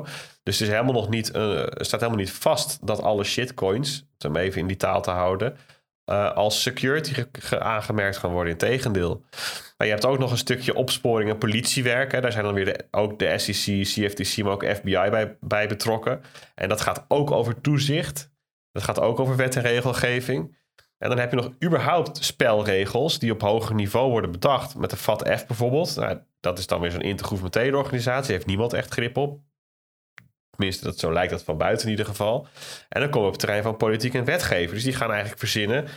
Wat zijn de kaders waarbinnen we het hele speelveld willen duwen? Nou, daar hebben we bijvoorbeeld een MICA in, in Europa voor. En, en de richting van Europa is, nou, we hebben al een heel in, goed framework voor, uh, voor financiële assets en de financiële wereld. Laten we daar alles wat met crypto te maken heeft, daar ook onder brengen. Natuurlijk zijn er ook weer hiaten, want wetgevers en politie lopen altijd jaren achter de markt aan. Nou, dit was even mijn uitgebreide gedachtespinsel toen ik uh, deze vraag las. Uh, dus ik denk dat ja, allerkortste antwoord is: um, van, nou, ja, ik, ik denk dus niet dat alle shitcoins zomaar een uh, security zullen worden of zullen zijn. Um, en op de vraag van joh, wanneer gaat dat dan gebeuren? Nou, dat gaat dus niet gebeuren, denk ik. En, maar wanneer weet ik dus ook niet. Um, en even los van uh, dit flauwe verband, zeg maar, alles wat ik net noemde, die vijf categorieën, daarvan weet ik ook niet. Het is gewoon onbekend hoe dat precies vormgegeven gaat worden. Ja, er zijn en, wat richtingen. En, maar... en, daarbij, het is ook niet alsof Bitcoin nu een soort van. Uh uh, free pass heeft gekregen van Gary Gensler. Van oké, okay, gedecentraliseerd, hier gaan we niet meer mee aan de slag of zo. Weet nee, je? maar is... er is wel hier, ik, ik vind de scheiding tussen bitcoin en shitcoins wel terecht in dit verband. Want van al die assets heeft bitcoin tot dusver gewoon wel de meest duidelijke status. Nee, het is, het is goed en het is ook, en dat zal je ook zien als we het straks hebben over dat Congress. Als je dat vergeleek met twee jaar terug, toen hebben ze het ook over Bitcoin gehad. Toen zaten ze echt nog van. Uh, hoe stop ik die bitcoins in mijn portemonnee? Want ik heb er nog nooit één gezien. Weet je wel, een beetje dat, die, die type vragen, een beetje die vibe. dat is nu wel, ik heb het een beetje terug zitten kijken. Het is echt anders nu. En ook met Gary Gensler is het ook anders. Alleen ik denk dat je wel dus. Het is goed dat die eh, scheiding tussen eh, Bitcoin en de rest gemaakt wordt. Maar ik zou daar dan niet uittrekken. En dat doet hij gelukkig ook niet, uh, Duco, gezien zijn vraag. Dat de Bitcoin dus niet meer gereguleerd wordt of minder gereguleerd wordt. Daar waarschijnlijk komt daar dan een ander soort regu regulering voor. En een. een en dat is op zich positief. Uh, dat niet alles in één bucket valt. Want het zijn gewoon hele andere soortige assets. De gemiddelde DeFi exchange waar gewoon een bestuur zit... die je eigenlijk veel meer als een tech startup zou moeten behandelen. En Bitcoin een, een super decentraal open source netwerk. Dat zijn wel andere, andere dingen. Dus um, ja, goed. Wil jij nog wat aan toevoegen, Bert? Ja, kijk, het punt van reguleren is denk ik niet dat... Um uh, ik denk dat misschien is Bitcoin nu wel het meest gereguleerd van alles. En want re reguleren betekent niet verbieden of, of lastig maken. Reguleren betekent duidelijkheid geven over onder welk regelgevend kader het iets valt. Uh, en, en als we het hebben over de markt is ongereguleerd nu, MICAR bijvoorbeeld uh, gaat dan over. Dus in Nederland de cryptomarkt is ongereguleerd, zeggen mensen dan. En wat het punt is vooral dat er op dat moment nog geen regels zijn of niet, niet duidelijk is welke regels van toepassing zijn. Je, dat, is, dat is het punt. En dat, dat, dat, dat voor Bitcoin dus hè, eh, Duco aanneemt van nou, dat, hè, dat, dat zit wel snor. Dat betekent eigenlijk dat dus juist voor Bitcoin duidelijk is wat de regels zijn. Hè, dus, en maar even als voorbeeld, hè, die, die, um, ik, ik, ik, ik vind het, het punt van shitcoins, vind ik, ik vind dat woord hier heel slecht gekozen. Want shitcoins, dat het woord coin betekent munt. En daarmee, kijk, dat eigenlijk is shitcoins ook maar weer een soort van heel smal stukje van, van crypto assets of digitale assets. Um, het is te vaag eigenlijk. Wat bedoel je nou precies? Hè, um, en, ik kan je wel vertellen, maar. Wat hij bedoelt? Alle, alles behalve Bitcoin. Zou ik, dat zou mijn. Oké, okay, dus ook mijn huizen en auto's en nee. Nou, nee, alles wat op CoinMarketCap te vinden is behalve Bitcoin. Dat zou mijn afdronk hier zijn. Mijn klassificatie van shitcoin, of mijn, mijn uh, uitleg van de definitie is alles in de categorie crypto assets dat niet bitcoin is. Maar okay. dat is wat Duco zegt. Ik ben dus, het er zelf nog niet eens per se mee eens. Want ik denk dat dat ook weer... Uh, dus ook tokenized Tesla uh, shares bijvoorbeeld. Of ja. tokenized stukken van stukken vastgoed. Of dat zijn ook shitcoins. Ik, nou, ik denk dat, dat het Binance gedaan wordt en twee maanden later offline is, uh, wel ja. ja. Ik denk dat dat in de, in, zeg maar in de volksmond allemaal onder shitcoin valt, ja. Ja. Oké, okay, dus ook Even decentralized identifiers dat op het Bitcoin-netwerk. De tweede zijn, laag. Kijk, die worden niet, die worden niet echt verhandeld, denk, zeg maar, dat voor crypto geld. assets zijn. Nee. Maar als jouw punt is, joh, ja. er zijn de definitie van wat shitcoin is, is over te discussiëren, dan ben ik het met je eens. Ik ook. Ja, ik vind, ik, ja, dat is, dat is een beetje het punt. Hè? Want het, door te zeggen shitcoin, daarmee zeg je eigenlijk: dit is um, echt, echt meuk. Hè? Het woord shit zegt het. En dat betekent dat de verwacht, te verwachten uitkomst is dat het wordt verboden of wordt ontmoedigd of dat er sprake is van oplichterij of fraude. En dus betekent regulering oppakken. Straf, boete. Dat, is, dat zit een soort van voor, in de vraagstelling. En dat vind ik niet. Dat, dat, ja, dat, dat vind ik gewoon een slecht startpunt van een gesprek, zeg maar. Maar goed, je moet het inderdaad uit elkaar trekken. Wat ik wel een aardig voorbeeld vind, is um, als je het even hebt over stablecoins, Tether. Hè? Tether die kreeg de boete van de CFTC. Dus dat is de Commodities, de Commodity Futures Trading Commission. Dus het gaat over commodities, grondstoffen. En ik geloof dat Bitcoin ook geclassificeerd is als commodity, hè? Als, als property in ieder geval. Maar als je het hebt over stablecoins, dan is er ook wat voor te zeggen dat het een security is. Uh, waarom? Nou, omdat een stablecoin eigenlijk heel erg lijkt op een money market fund, op een geldmarktfonds. En dat is een security. In Amerika en Nederland ook, denk ik trouwens. En dan is er ook wat voor te zeggen dat het valt onder de Fed, omdat je het zou kunnen zien als een dollar. dus, dus er zijn hier drie toezichthouders die nog met elkaar moeten uitvogelen. Um, onder wie vinden we het nou eigenlijk vallen? En dan heb je in Amerika ook nog het verschil tussen federaal en staat. Daar kan ook nog onderscheid worden gemaakt. Dus dat maakt het zo'n ingewikkeld. Peet had in de, in de um, show notes gezet. Hier wordt geschaakt op meerdere borden. En dat is denk ik vooral wat er aan de hand is. Wat ik vooral wil zeggen, ik denk dat het proces waar we nu naar kijken veel rommeliger is dan het lijkt. Er is, er is niet een heel duidelijk plan wat wordt uitgevoerd. Stap 1, stap 2, stap 3 en dan zijn we daar.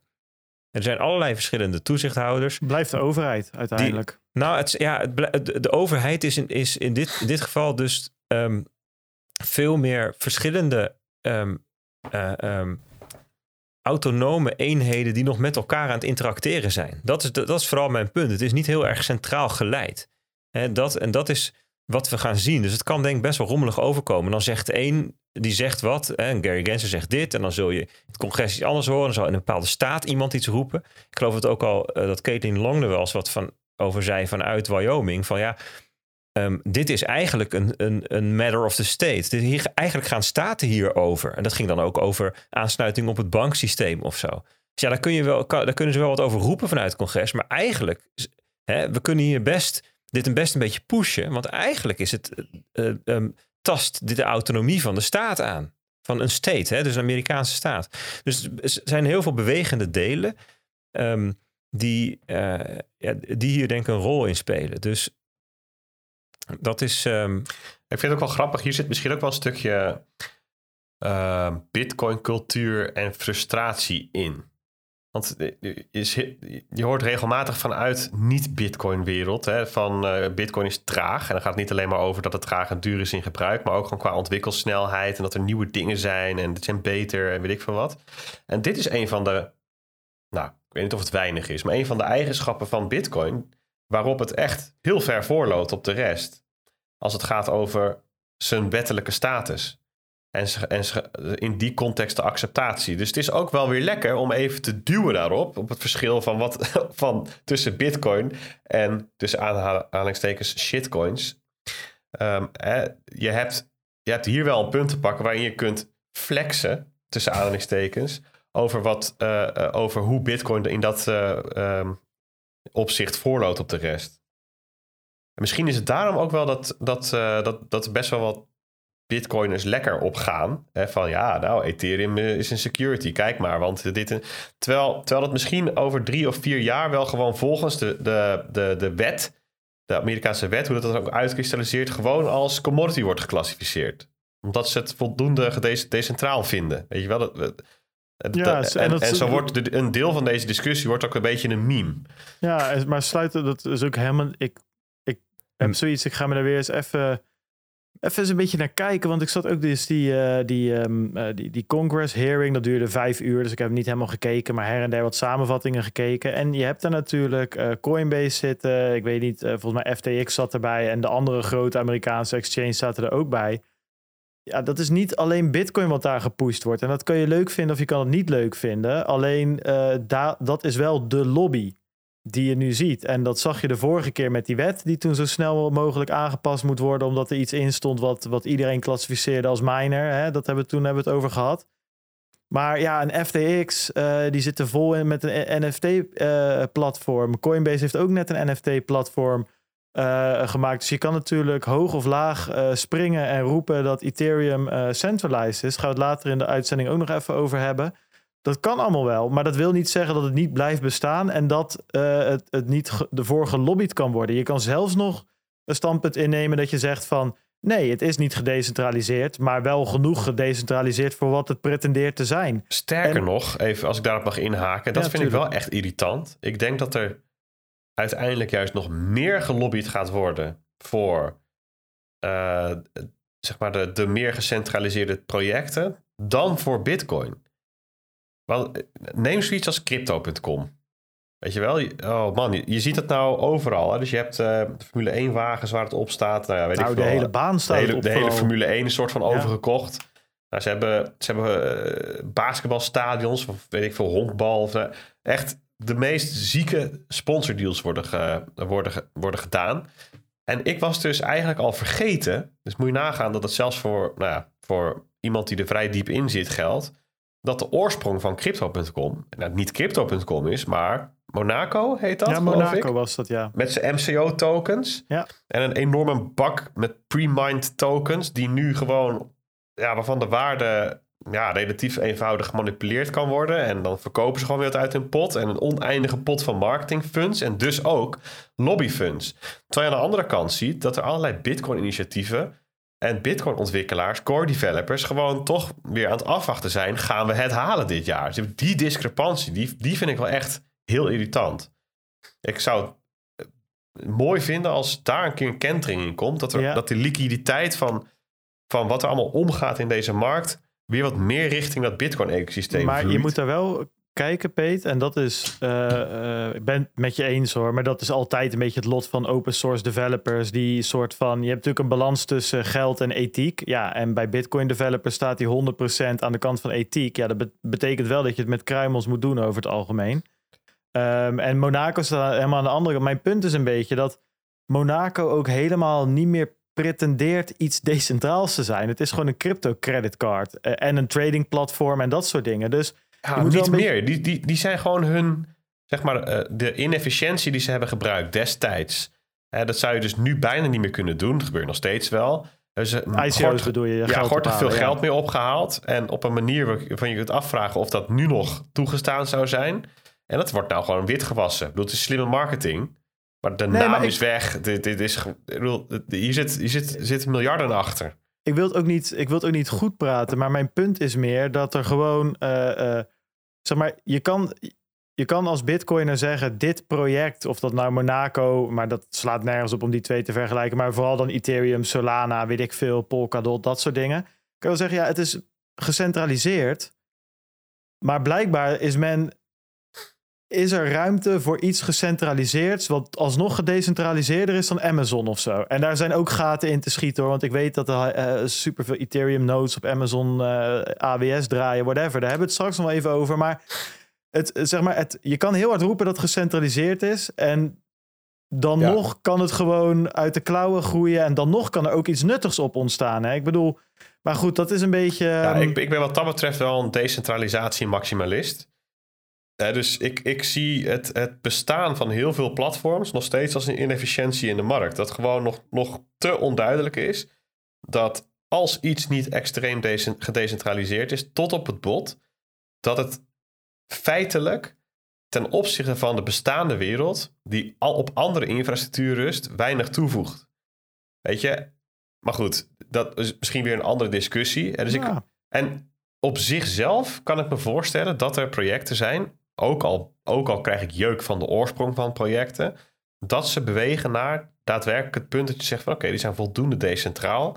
Er is hier nu sprake van infrastructuur met daadwerkelijk andere eigenschappen dan de gecentraliseerde infrastructuur, waar bijvoorbeeld banken en eh, de Giro's en andere fintechs op gebaseerd zijn. Ja. Maar zolang dat niet zo is, zou ik er eigenlijk voor kiezen, joh, los het dan op een andere manier op. Ja, ik ben het ook wel met, met mensen eens die zeggen van ja, maar ja, je moet toch ergens op een of andere manier verandering krijgen. Dus laten we wel experimenteren. En ook al is dat meer gecentraliseerd, dat kan eindigen in decentralisatie enzovoort. Maar ja, dat, dat is nog wel een leuke discussie. Ja, nee, ik probeer mijn eigen mening ook een beetje los te trekken van gewoon eh, iets meer objectievere kijk naar de markt. En ehm, daarbij wil ik ook aantekenen dat dat iets bestaat. Wil niet zeggen dat het waarde heeft, maar het bestaat wel. Het is een, ik vind het altijd zo. eh tuurlijk, weet je, je hebt die Infura nodes waar de helft van de of meer eh, dan, dan eh, half Ethereum draait daarop, omdat het moeilijk is om zelf een node te draaien en, en noem het allemaal op. Maar dat, maar dat betekent niet dat het, dat het is er nog wel, zeg maar. Misschien zou dat En- wel mijn, ik zit nu te denken, misschien zou dat wel mijn, mijn definitie van shitcoin zijn.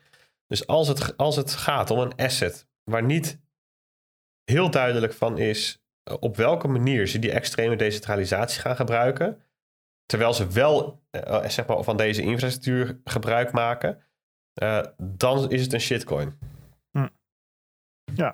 Nou, dan sluiten we hem daarmee af. Eh, eh, Duco, ook voor jou. ehm, eh, een lekkere, lekkere, sappige, dikke vet, eh, dik vet antwoord voor je. Eh, even een korte Ring of Fire update. Podcast nummer 2 staat online met Soul Export. Dat was echt een, ja, ook weer een leuke podcast. Ik vind het format super leuk geworden. 10 minuutjes praten over Ring of Fire, eh, over Lightning eh, en dat soort dingen. En daarna een half uur met de gast ehm, aan de slag, om het zo maar te zeggen. En ehm, het is gewoon wel eens lekker. gewoon na 40, 40, 45 minuten ben je klaar. En dat, is, dat is ook wel eens, ook wel eens fijn. Eh, er zijn allemaal prijsvragen die er lopen. Je kan bijvoorbeeld een t-shirt winnen van, eh, van Thomas, onze huisdesigner, mag ik toch wel zeggen. Dus ga naar tape.me slash connect underscore de underscore world in het Engels. Dus de is T-H-E. Uh, en uh, daar kan je kijken hoe je kan winnen. Volgens mij is de eerste prijsvraag ook nog niet uh, verlopen. Want die, die wordt aan, de aan het 500ste member in de Telegram chat weggegeven. Dus ah, goed, dat is een long time preference. Daar hebben we het altijd over. Dus, of low time preference, sorry. Um, dus ga dat checken. Superleuke podcast geworden. Volgende week afleveringetje met Stijn uit de eigen community. Ook wel, ook wel leuk. Volgens mij was van zou Jury ook aanhaken. Ik weet niet zeker of dat nog gaat gebeuren. Het wordt in ieder geval leuk. dus ga dat checken. T.me slash connect underscore the underscore world. World. Connect the world. Um, ja, Bert, ik wil de marktupdate aftrappen. Gewoon even met een leuk fragmentje. Die heb ik klaargezet. Dus ja, weet je, anders is het ook zo zonde dat allemaal Twitter dingen hebben lopen downloaden. Even volgens mij een minuutje hebben we onze uh, tante Christine. Die, uh, die heeft het over de hump. Dus ik ben benieuwd wat ze daar nou uh, bedoelt. An inflation profile, which looks like a hump. So it does clearly increased uh, over the last uh, three quarters. And we know how painful it is.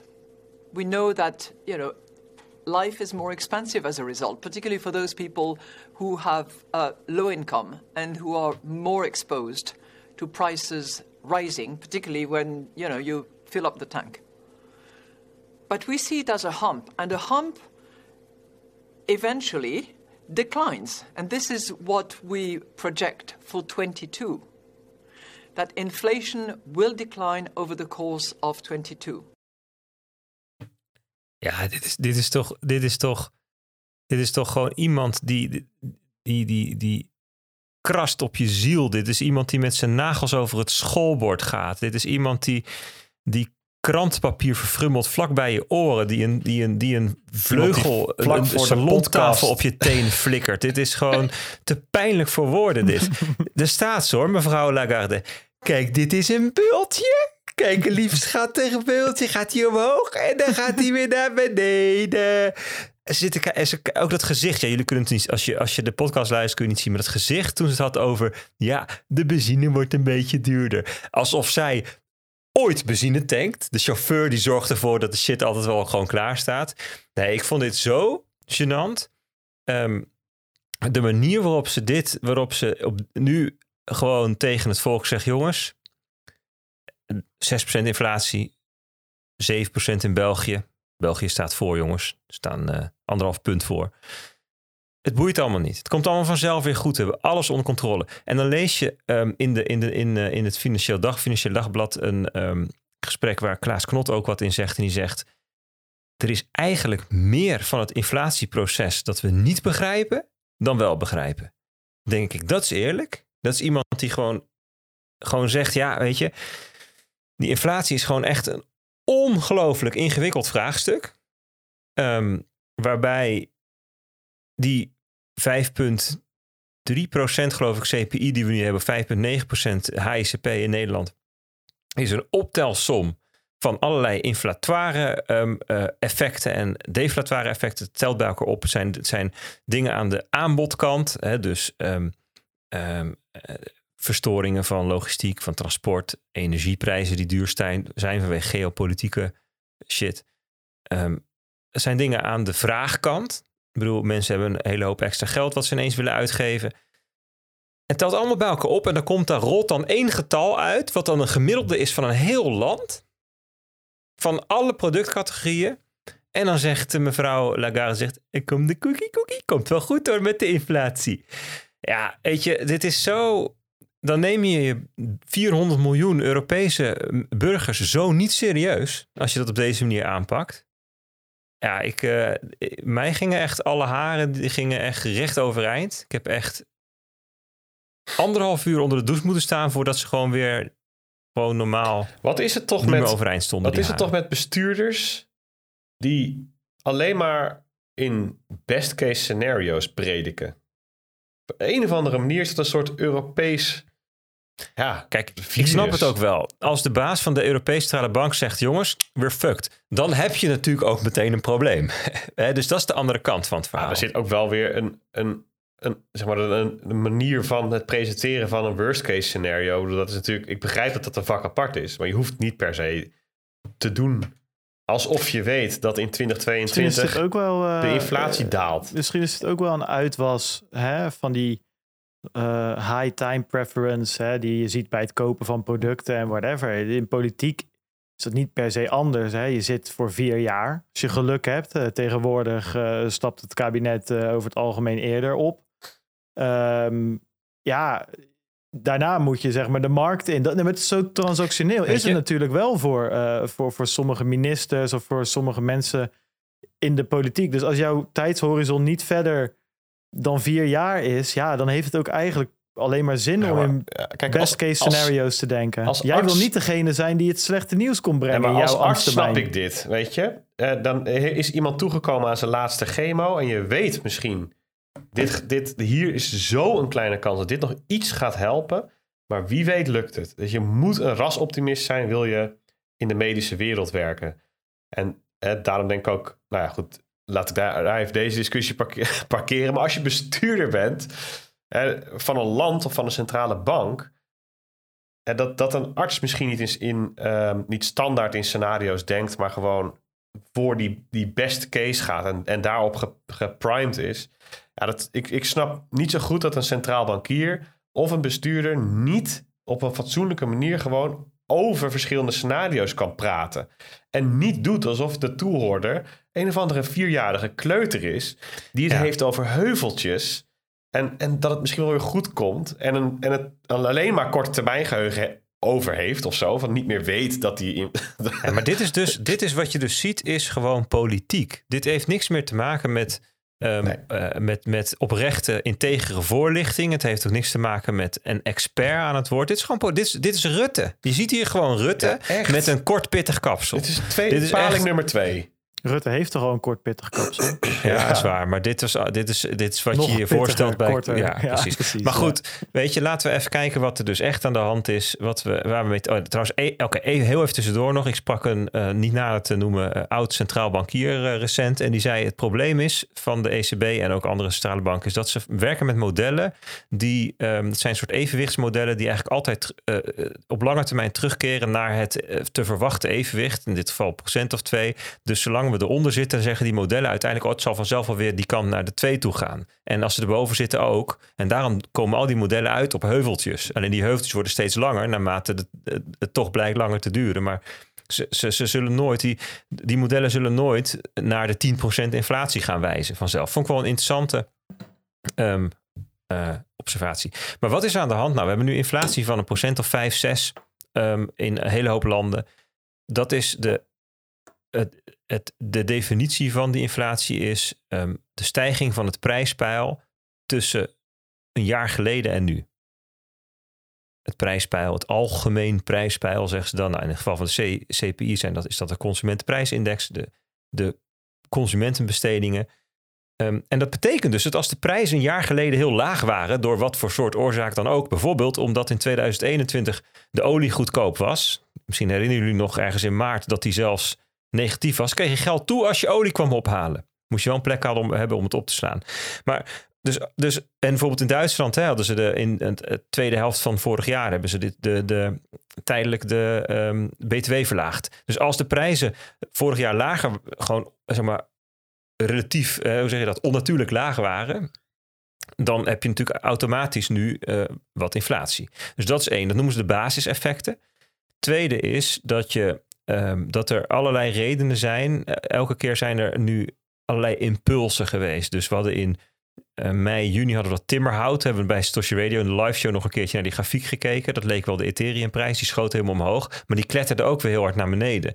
Want ja, weet je, met, met timmerhout is het zo. Ja, er zijn op zich bomen genoeg. Dus als er heel veel mensen eh, graag willen klussen, ja, dan komt dat hout er wel een keer. Hè? En ehm, eh, eh, ik zit even naar Bart te kijken, die zo, zo zijn pilsje Ja, ik vermoord. smijt, ik smijt mijn bier over mijn bureau. Ik kon nog net redden dat ik niet zeg maar mijn... Ik heb mijn toetsenbord gemist, dus... eh, dat scheelt. Het Maar dan moet je ik een keertje proberen. Ik ga je- dit doekje erbij pakken, maar praat verder. Maar je, hebt dus, je, je had toen productieproblemen, hè, die houtzagerijen. En, en op een gegeven moment is dat dan weer voorbij. Hè? En daarna kregen we het Suezkanaal waar schepen dwars lagen met een rij ervoor. En op een gegeven moment is dat dan weer gefixt. En later had je ook in eh, Los Angeles problemen. Bij de haven lagen er allemaal sch- schepen te wachten. Ja, dus als je dan leest wat het probleem dan was, er waren niet genoeg vrachtwagens waar die containers op, op konden. En dat komt omdat er een hele hoop vrachtwagens waren met containers erop die er nog af moesten, maar die zaten er nog op. Dus kon geen nieuwe container op. Waarom, doen ze dan niet af? Nou, omdat er wetten zijn dat heel veel van die plekken waar die containers liggen, maximaal twee hoog gestapeld mag worden. Dan zeg je, pas je toch die wetten aan dat ze vier of vijf hoog staan. Ja, dat was dan moeilijk. Nou, dan waren ze dus nu mee bezig om op 100 mijl van Los Angeles een heel groot stuk terrein te maken waar dan met de trein al die containers heen konden, zodat de vrachtwagens weer leeg waren, zodat we het containers van de schepen konden, zodat de schepen. Nou, dat- dat soort dat je denkt onbenullige dingen, maar dat was er aan de hand. En dat gaat dan weer weg. Nu is de energie is duur in Nederland. Het grootste gedeelte van onze inflatie is energie. Allergrootste. Zonder als je energie weglaat, is de inflatie maar een procent of 2,4. Of Euro- Europa 2,5, Nederland 2,4. Wat is het probleem van die energie? Ja, dat zijn allemaal tijdelijke dingen op zich. Weet je, die olieprijs die gaat vanzelf ook wel weer een keertje dalen. En dat gas in Rusland, op een gegeven moment dan, weet je wel. Of niet natuurlijk, of het escaleert. Hè? Als Oekraïne en Rusland zometeen eh vechten, dan kan het escaleren. Maar in principe is het iets tijdelijks. Het gaat niet tien jaar duur blijven of zo, weet je wel. Nou, en dan nu gaan waarschijnlijk de voedselprijzen omhoog. Maar dat komt door die elektriciteit en zo. En dat is waarschijnlijk ook weer een tijdelijk effect. Dus er zijn allemaal achtereenvolgens tijdelijke effecten, tijdelijke impulsen. En al die tijdelijke dingen achter elkaar kunnen langdurig worden. Omdat heel veel tijdelijker zijn. En het punt is, er kan een moment komen dat werknemers hoger loon gaan eisen. En dan wordt het spannend. Want die hogere lonen die ze gaan eisen, die zouden door de producent ook weer kunnen worden doorgerekend in de prijzen van de producten. Waardoor die mensen daarna weer hogere lonen willen. Dat heet een loonprijsspiraal. En die schijnt hardnekkig te zijn. Moeilijk om dan dat te stoppen, te doorbreken. En dan zou je dus echt voor langere tijd, jarenlang hogere inflatie kunnen hebben. Met allerlei andere effecten en verschuivingen en evenwichten. En nou, dan wordt het moeilijk. En dan, kijk, eh, en nu kan je nog, nu kan je nog zeggen van nou, oké, oké, vervelend, dingen worden duurder. Maar het punt is dat als die inflatie lang hoog blijft, dan zal de centrale bank op een gegeven moment moeten ingrijpen en de rente verhogen. En dan komen we op het punt dat als, als de rente verhoogd wordt, dat ehm, het effect daarvan is dat aandelen goedkoper moeten worden. Dat huizen goedkoper moeten worden. Want dat is gewoon het effect. Hè? Dus de, de waardebepaling van een aandeel. Als de rente stijgt, dan daalt de waarde van een aandeel. Dat voor obligaties ook. Als de rente stijgt van de obligatie, dan daalt de waarde van de obligatie. Als de rente stijgt, dan zullen mensen moeilijker kunnen lenen op de huizenmarkt. En dan dalen de prijzen van de huizen. Kijk, als dat heel voorzichtig gebeurt, dan kan het zijn dat dat goed komt. Maar als dat snel gebeurt, dan kan het zijn dat de markten maar zo 40% um, crashen, mag ik het woord crashen gebruiken, dalen. Dat is wat Lex, Lex Hoogduin, had met hem dus een gesprek hierover. Die zei van ja, ik, ik hou wat meer cash aan nu. Want ja, ik houd er rekening mee dat dat soort markten 40% dalen. Dat zou gewoon kunnen in zo'n situatie. En dat is wel pittig als mensen hun huizen 40% onder water komen te staan. Mensen die nu gekocht hebben. Ja, maar je hebt toch voor 20 jaar rente vastgezet? Ja, oké, maar wat nou als je ehm, het huis noodgedwongen moet verkopen? Omdat je je baan kwijtraakt, omdat je in een scheiding ligt. Dan is het ineens heel erg pijnlijk. Dus die mensen die zeggen, ja, maar de leencapaciteit is nog nooit zo hoog geweest. Dus dure huizen maken niet uit. Mensen kunnen ook heel veel lenen. Ja, dat is leuk, tot die huizen ineens heel veel goedkoper worden. Daar wil ik trouwens nog, dat hoorde ik jullie in de. Oh, wacht even. Ik heb volgens mij, ja, juist. Heel die mic was eh, zachter. Die staat weer goed. Nee, ik, ik hoorde jullie daar in de CryptoCast over. Van inderdaad, hè, dat, dat omdat de rente lager is, zijn de kosten voor wonen niet per se heel veel hoger geworden. Ondanks dat die huizenprijs enorm gestegen is. Want ja, je betaalt minder rente. Dus nou goed, dat is ook minder. dus meer aflossing per maand, minder rente. Dus per saldo verschilt het niet zoveel. Hè? Alleen het, de verdeling daartussen verschilt. Wat ik daar een beetje in miste, is dat het. Hè, hoe verder die huizenprijs omhoog gaat, eh, de, de leennormen zijn best wel strikt. Zijn, zijn, zijn redelijk streng. Eh, je moet tegenwoordig toch echt wel eh, met z'n tweeën aankomen. Mhm. allebei boven modaal verdienen, of in ieder geval modaal, eh, om, om een tonnetje of vier, vier en half bij elkaar te Ja. kunnen schrapen. En dat verandert niet zo heel Maar hard. dat was, dat was in 2007 niet anders. Toen ik mijn eerste huis kocht in 2007, toen was de rente 5,3% weet ik nog. En toen redde ik het ook niet op een ehm, eh, salaris van, nou, ik denk dat ik, ik bedoel, als je toen anderhalf, twee keer modaal verdiende, kon je het in je eentje ook niet een huis van toen 300.000. Ik, gewoon een rijtjeshuis woon ik. Heel, op zich heel eh maar waar bescheiden liep het dan op stuk? Nou, dat, dat was gewoon, je, je kon toen ook geloof 4,5 keer dat salaris. Dat was gewoon niet genoeg. En Kirsten, mijn vrouw, die moest ook, eh, haar Ja. salaris moest ook meetellen om dit huis te kunnen kopen. Toen mocht je zelfs nog 110% of zo. Nou, echt veel Ja. kon je lenen. 120 misschien wel. Echt heel veel konden wij lenen. Moest ook, want er moest echt een hele hoop gebeuren. Maar dat, dat, toen was het ook lastig. Dus dat is, dat is 15 jaar geleden. Hm, Oké, ja, Alleen- nee, ja, alleen- dat, dat- geloof Ik, denk wel dat er een, een verschil is met 40 jaar geleden. Want dit huis waar ik nu woon, dat kocht ik dus in 2007 voor drie ton, zeg maar. Dat, dat, degene die hier ooit dit huis nieuw kocht in 1978, die betaalde 40.000 gulden. dus dat is wel bizar. Dus dat is echt nou, 20 keer zoveel waard geworden. Ik bedoel, dat Diamond Hands noemen we dat. 20, 20x in... eh, Zo, daar word ik zo gek van, van die DeFi-investors die het hebben over 1000x. Hebben ze het dan bij Tim Ja. Ferriss telkens over 1000x zit. Hey, maar ehm, dit huisje is wel goed geflipt. Wat, maar goed, ik dus dat, wilde vragen nog, Bert, of je eh, nadat je klaar bent met dit verhaal, wat even, wat is eigenlijk op de Bitcoin-markt nog eh, gebeurd? Ik daar was je natuurlijk aan, aan naartoe aan het werken, maar dat wil ik eventjes, eh, het lijkt me goed Ja. om daar naartoe te bewegen. Ja, dus dat, dit, is, dit is het hele verhaal van inflatie, wat er nu speelt, wat er boven de markt hangt. En ehm, dus, eh, je ziet eigenlijk dat, dat mensen, dat de economen, dat de commentators, dat die zich in twee teams verdelen. Team tijdelijk, team langdurig. En de vraag is, in welk team zit jij? Ehm, de centrale bankiers die lijken allemaal in team tijdelijk te zitten. Het, en, dat, en dan is dus de vraag, komt dat omdat dat hoort bij hun rol om het volk gerust te stellen? Of is dat hun echte mening? Ja, ik, ik, heb dus de neiging om te denken dat ze daadwerkelijk denken dat het echt allemaal vanzelf volgend jaar wel weer over is. En ze zullen daar ook, denk ik, in eerste instantie gelijk lijken te krijgen vanwege die basiseffecten. Dat het ook wel weer wat zal dalen begin volgend jaar. En dan zullen ze zeggen, zie je wel, het, het wordt allemaal tijdelijk. En ik denk dat als het niet tijdelijk blijkt, dat we dat echt pas in het tweede deel van volgend jaar gaan zien. Of rond de zomer misschien. Dat is mijn verwachting. Ehm, dus het hele verhaal van inflatie. Ja, daar gaan we niet op heel korte termijn, denk ik, hele grote issues mee krijgen. In Nederland, in Europa niet. Hè. Dus ECB heeft al gezegd, 2022 gaan we sowieso de rente niet verhogen. Als we het gaan doen in 2023, misschien.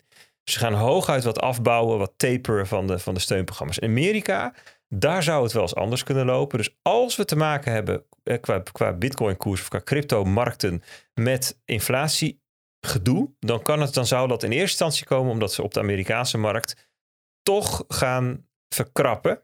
En daar kunnen de financiële markten wel eens wat ehm, schrikachtig op reageren. Want verkrappen betekent ehm, hè, eh, eh, dus een minder ruim monetair beleid betekent dat er misschien in de toekomst wel een keer een renteverhoging in zit. En een renteverhoging betekent dat dus de koersen dalen. En daar kan men op reageren door alvast de, de boel te, te dumpen. Of de hè, naar dollars te gaan enzovoort. Dus dat, dat even ehm, het effect dat we kunnen verwachten op de markten. En ik denk dus dat het allemaal wel meevalt voorlopig. Ehm, ik denk dat de onzekerheid over de Omicron en dat als er nieuwe, nieuwe lockdowns nodig zijn, dat, dat, dat, dat is misschien spannender. En bijvoorbeeld onzekerheid over de troepenopbouw van de Russen aan de grens van Oekraïne en wat daar zou kunnen gebeuren, dat is ook spannender. Wat er nu in China gebeurt met de default van Evergrande, de, de, de, de treincrash in slow motion noemen ze dat.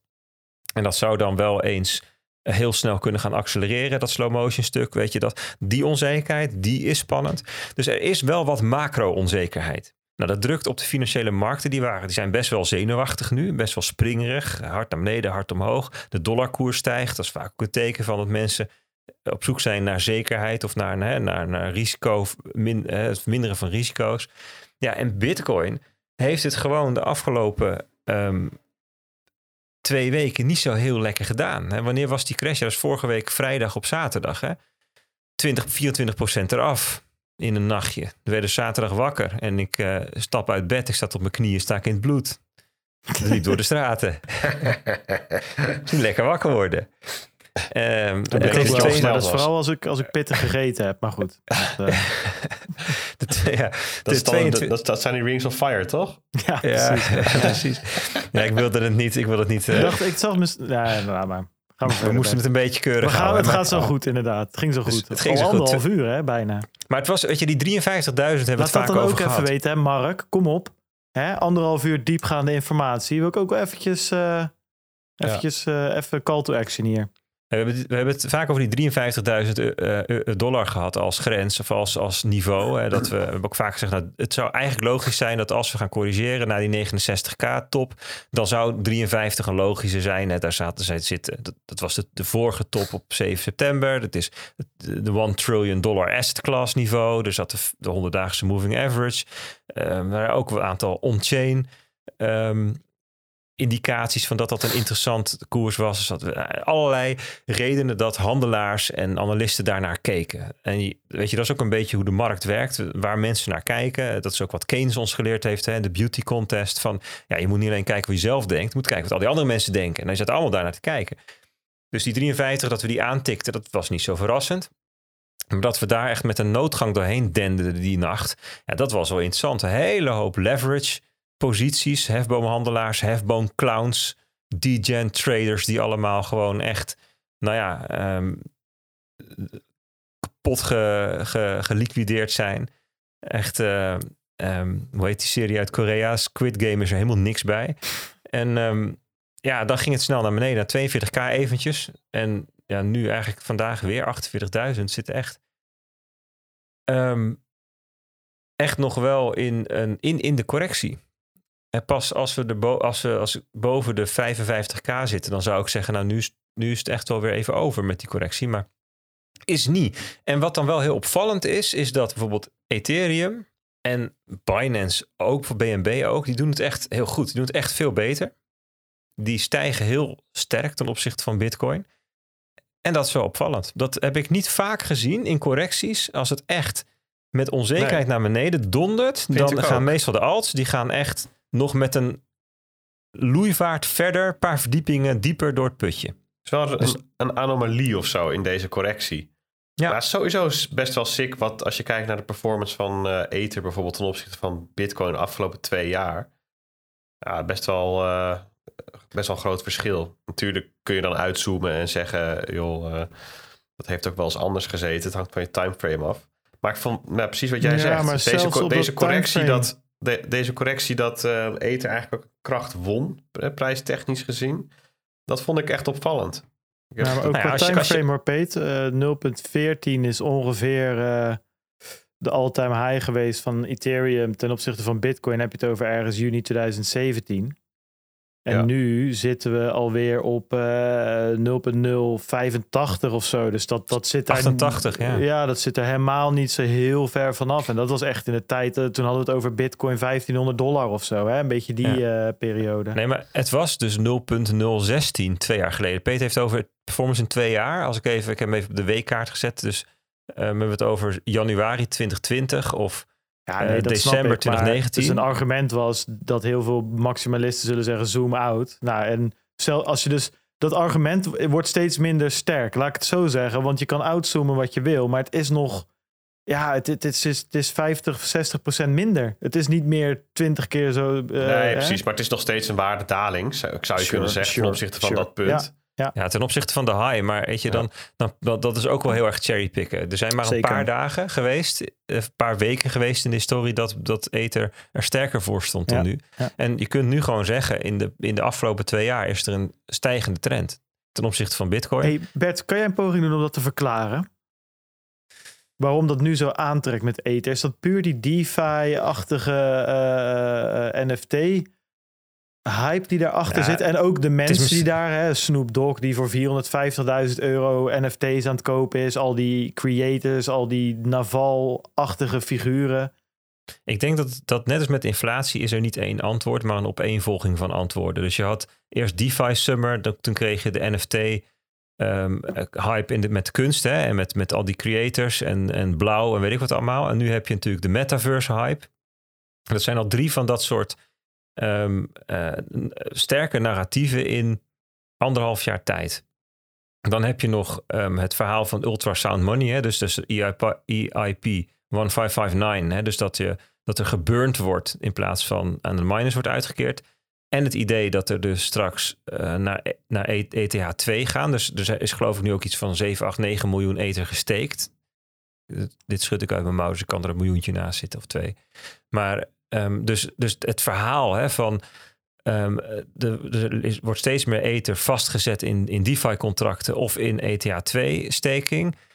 Um, er wordt geburnt, dus, dus er, wordt, er zijn nu dagen dat er, of soms ja, dat er meer, dat, dat, dat zeg maar de supply daalt, dat het al deflatoire is.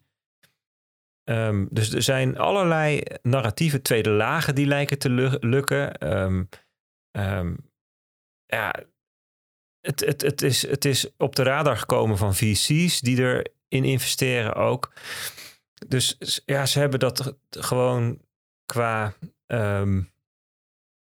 ze, ja, ze weten gewoon heel veel, denk ik, heel veel verschillende groepen aan te spreken.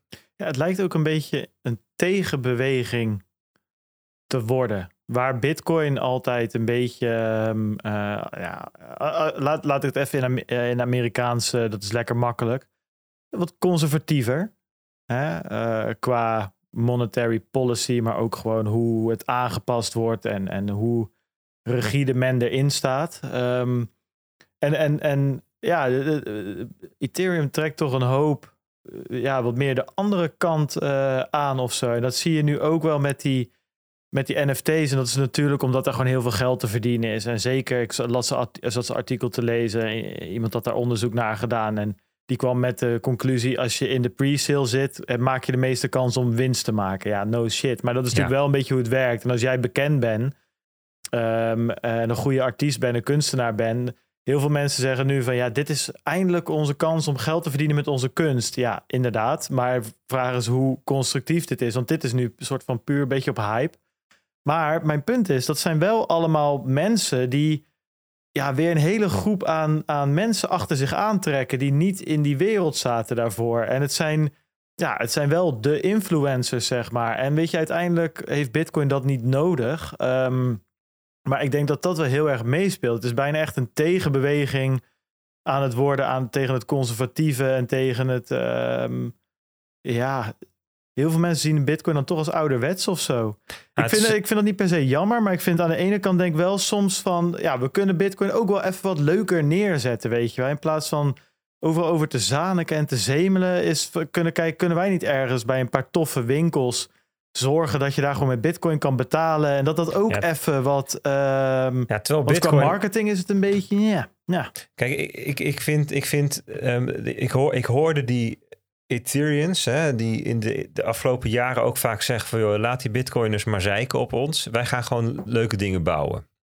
En als je gewoon heel eerlijk bent naar wat ze gebouwd hebben, dat is elke keer leuk qua experiment. Maar het stort ook allemaal weer in elkaar. Als je kijkt naar die DeFi-tokens van DeFi Summer, daar is, daar is echt geen bal van over. En ik denk dat we ook nu richting NFT-winter gaan. Ehm, dat er straks echt een zo'n ongelofelijke race naar de bottom is van allerlei NFT-rommel die waar mensen gore hoeveelheden uh, eters voor betaald hebben, waar je straks blij mag zijn als je nog een paar stuivers voor terugkrijgt. Ik denk dat die klap nog harder is dan bij de ICO's. Ik denk dat die liquiditeit nog verder op, uh, opdroogt. Dan, Want er moet, één, moet iemand heel specifiek op jouw JPEG gaan zitten uh, bieden.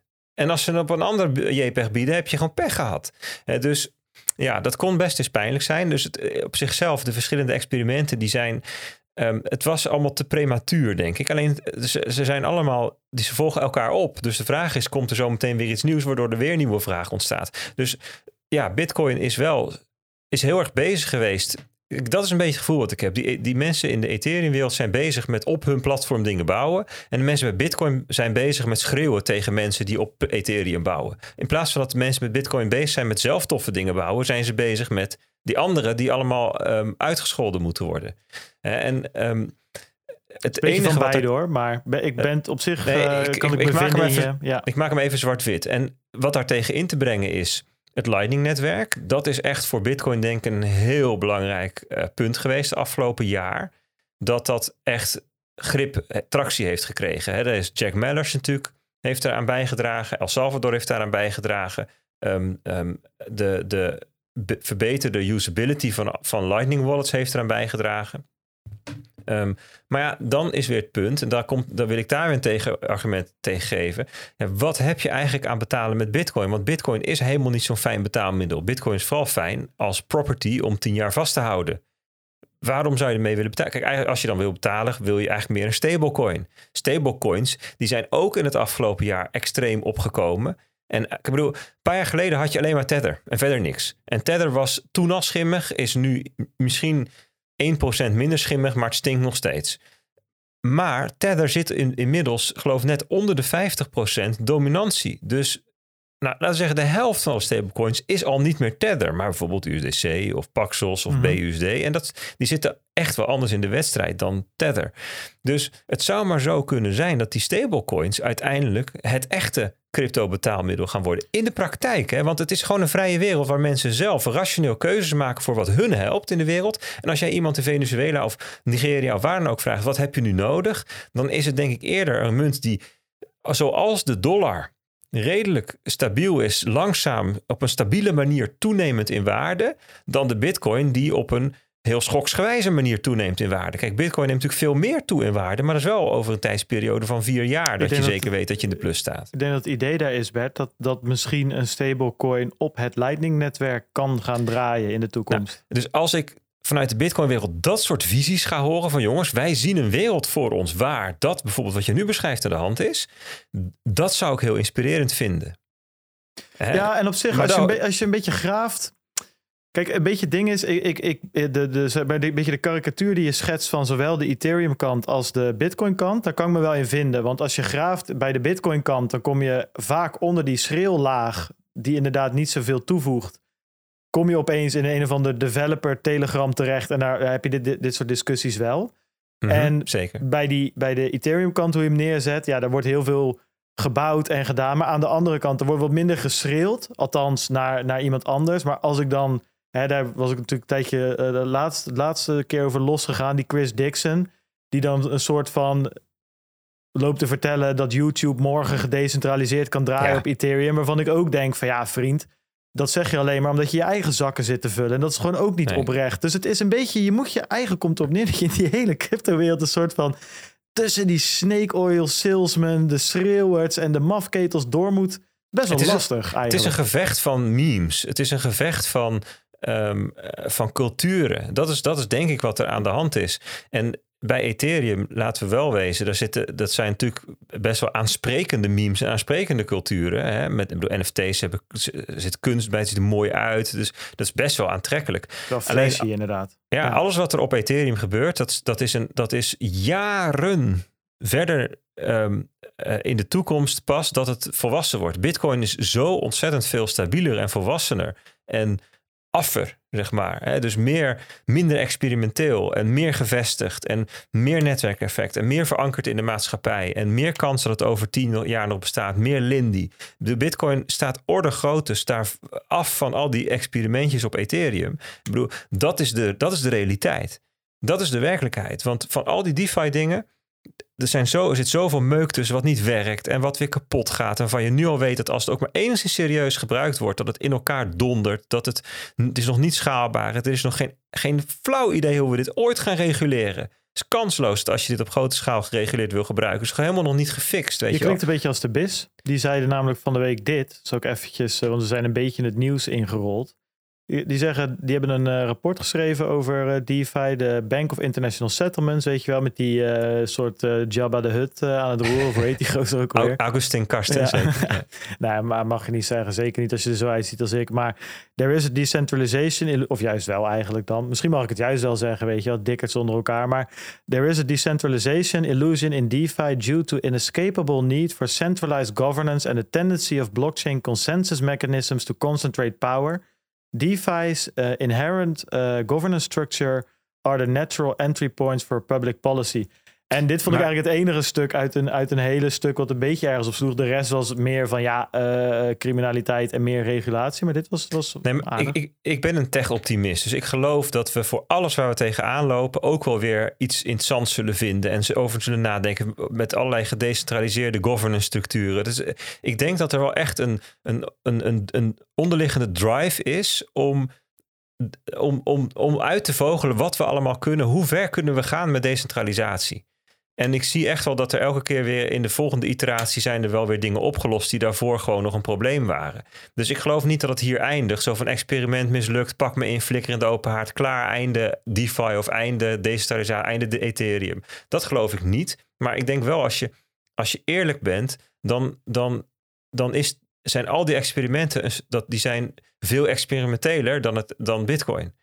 Alleen het probleem van Bitcoin, het is wel heel tof om dat te zeggen over Bitcoin, is wel, wat is nou eigenlijk de, de product market fit? Wat is nou, welk probleem lost Bitcoin nou eigenlijk op nu? Betalen, ja, met, met een munt die onwijs volatiel is. Ja, betalingsinfra van Lightning is best tof. De onboarding naar Lightning is echt drie keer niks. Stel dat ik tegen iemand zeg, joh, hier installeer Blue Wallet en zet er wat sats op. Want hoe moet je dat doen? Je kan niet naar een Nederlandse broker gaan en dan, dan, withdrawen naar, naar Lightning. Het is nog steeds ruk, weet je wel. Dus de hele user experience van Lightning is op zijn best. In de, komt het in de buurt van wat we al hebben.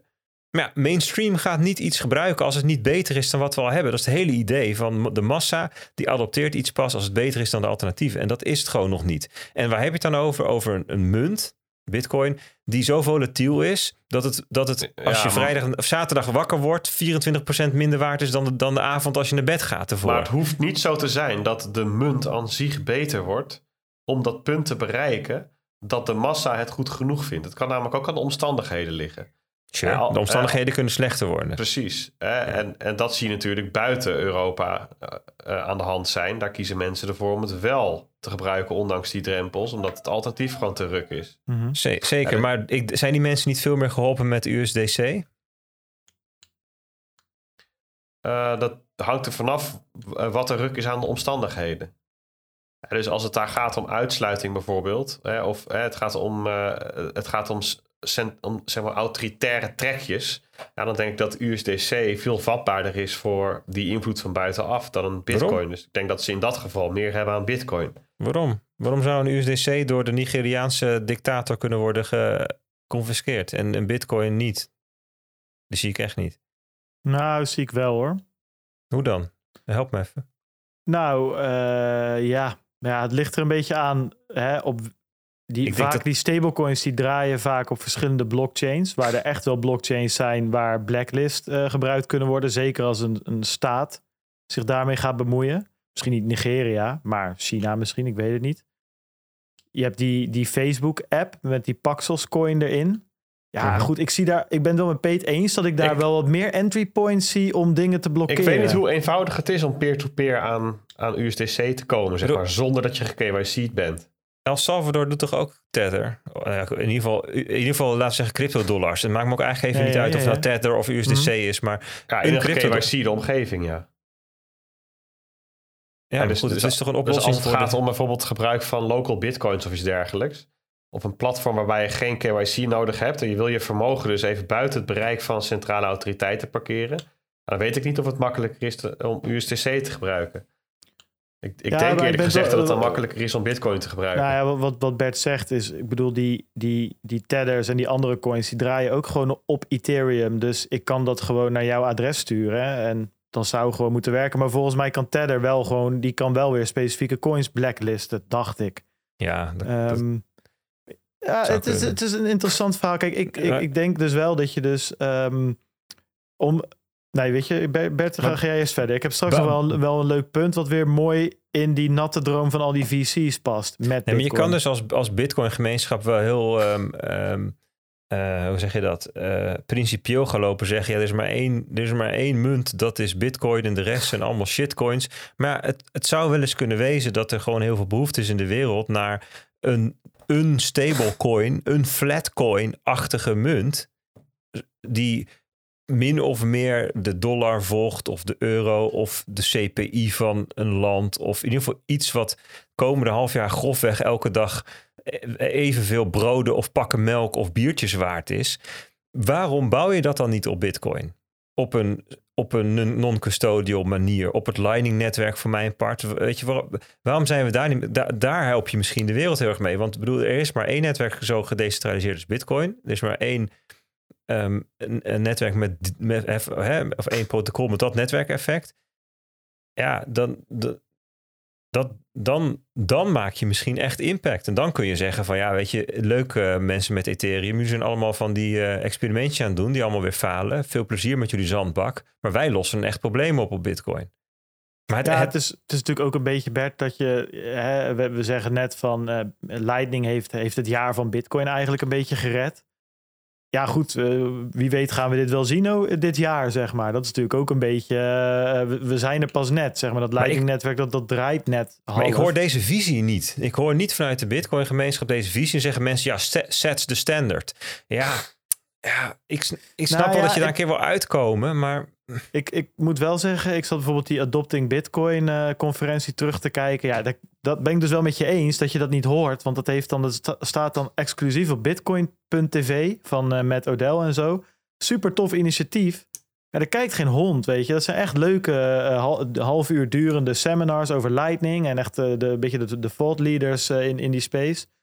Dan klink ik zelf als een VC eigenlijk. Gewoon slimme mensen die met Lightning bezig zijn, moet ik eigenlijk zeggen. Maar... Ja er kijken dan 22 mensen naar, 22 views. Maar daar eh, zat ik vanochtend naar te kijken. Ja, dat zijn echt, daar hebben ze het over Lightning en privacy. En ook precies wat jij zegt, hè, bouwen op Lightning. Lightning gebruiken als ja, protocol of, uh, om andere dingen dan uh, geld heen en weer te laten gaan. En gebruik te maken van dat netwerkeffect. Ik denk wel van, waarom heb je nou Bitcoin nodig en waarom heb je nou Lightning nodig? Kijk, stel nou, hè, omdat ze zelfs, hè, omdat dan toch hè, een beetje binnen de landsgrenzen keken en met betalen en dat soort dingen. Ja, kijk, als die venture capitalist natte droom van metaverses en whatever echt uitkomt, dan, en we gaan echt, echt significant tijd doorbrengen uh, met z'n allen in een digitale wereld of, of een augmented wereld of whatever. Ja, dan kan je natuurlijk de klok op gelijk zetten dat er kansen ontstaan in die digitale wereld. Werk ontstaat in die digitale wereld. Businesses ontstaan in die digitale wereld. Misschien compleet nieuwe beroepen ontstaan in die digitale wereld.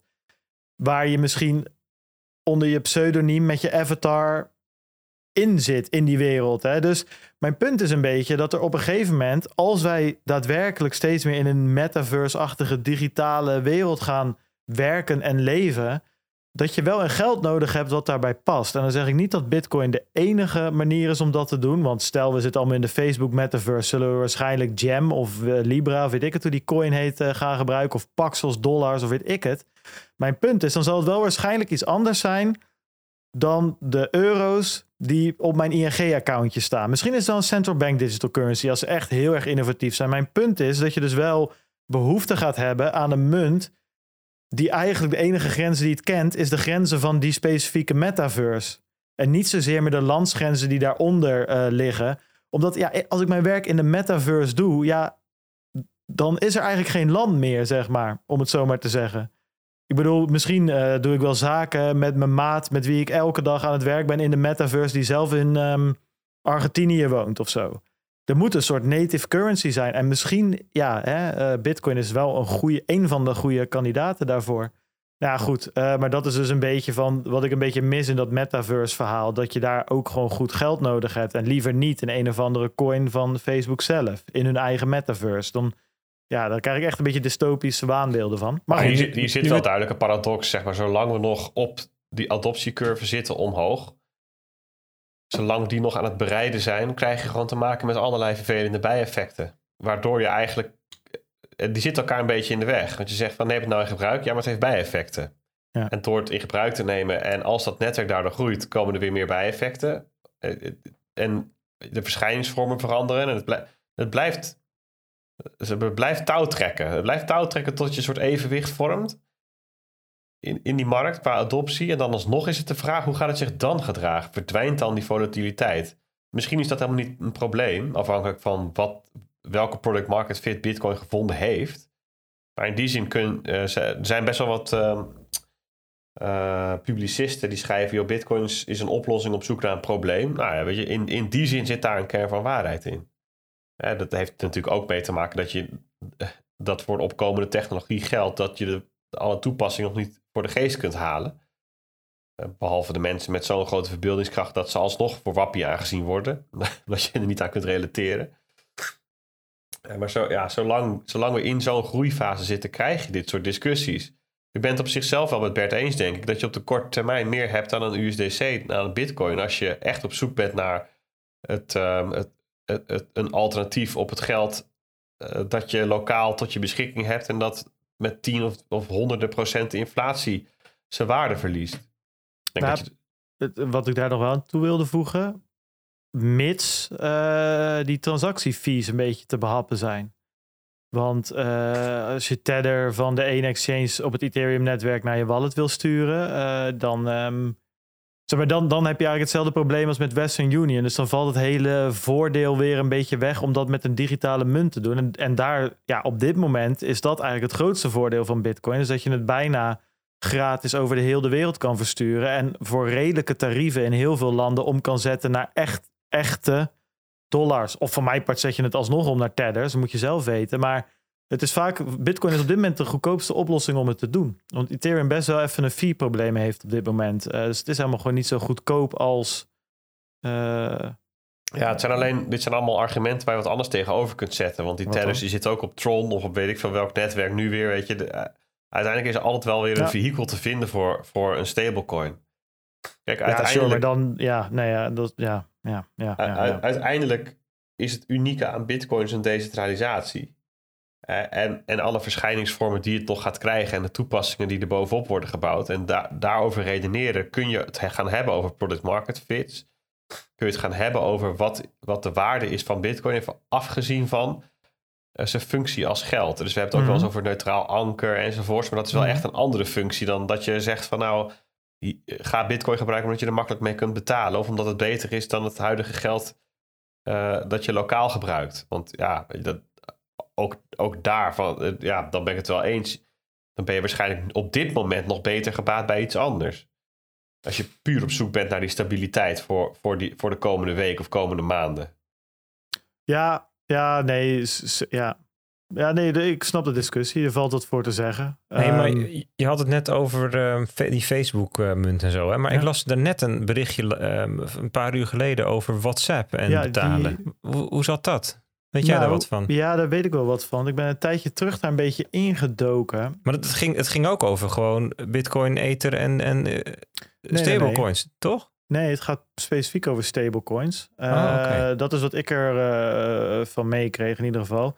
Ja, we moeten eigenlijk even bij het begin beginnen. Hè. We, we weten allemaal Libra nog, die in 2019 de deur intrapte en zeiden van eh, met, met die enorme club met bedrijven van wij gaan onze eigen munt maken. Hè. Facebook was dat eh, toen de tijd die dat, eh, die dat deden. En misschien herinner je nog, ze hadden daar al een idee voor een wallet bij. En die noemen ze toen de, de Calibra wallet. Nou, en het is inmiddels, snapt niemand er meer iets van, omdat Facebook letterlijk elke naam veranderd heeft die ik net genoemd heeft. Dus Facebook is Meta geworden. Eh, Libra is Jam geworden.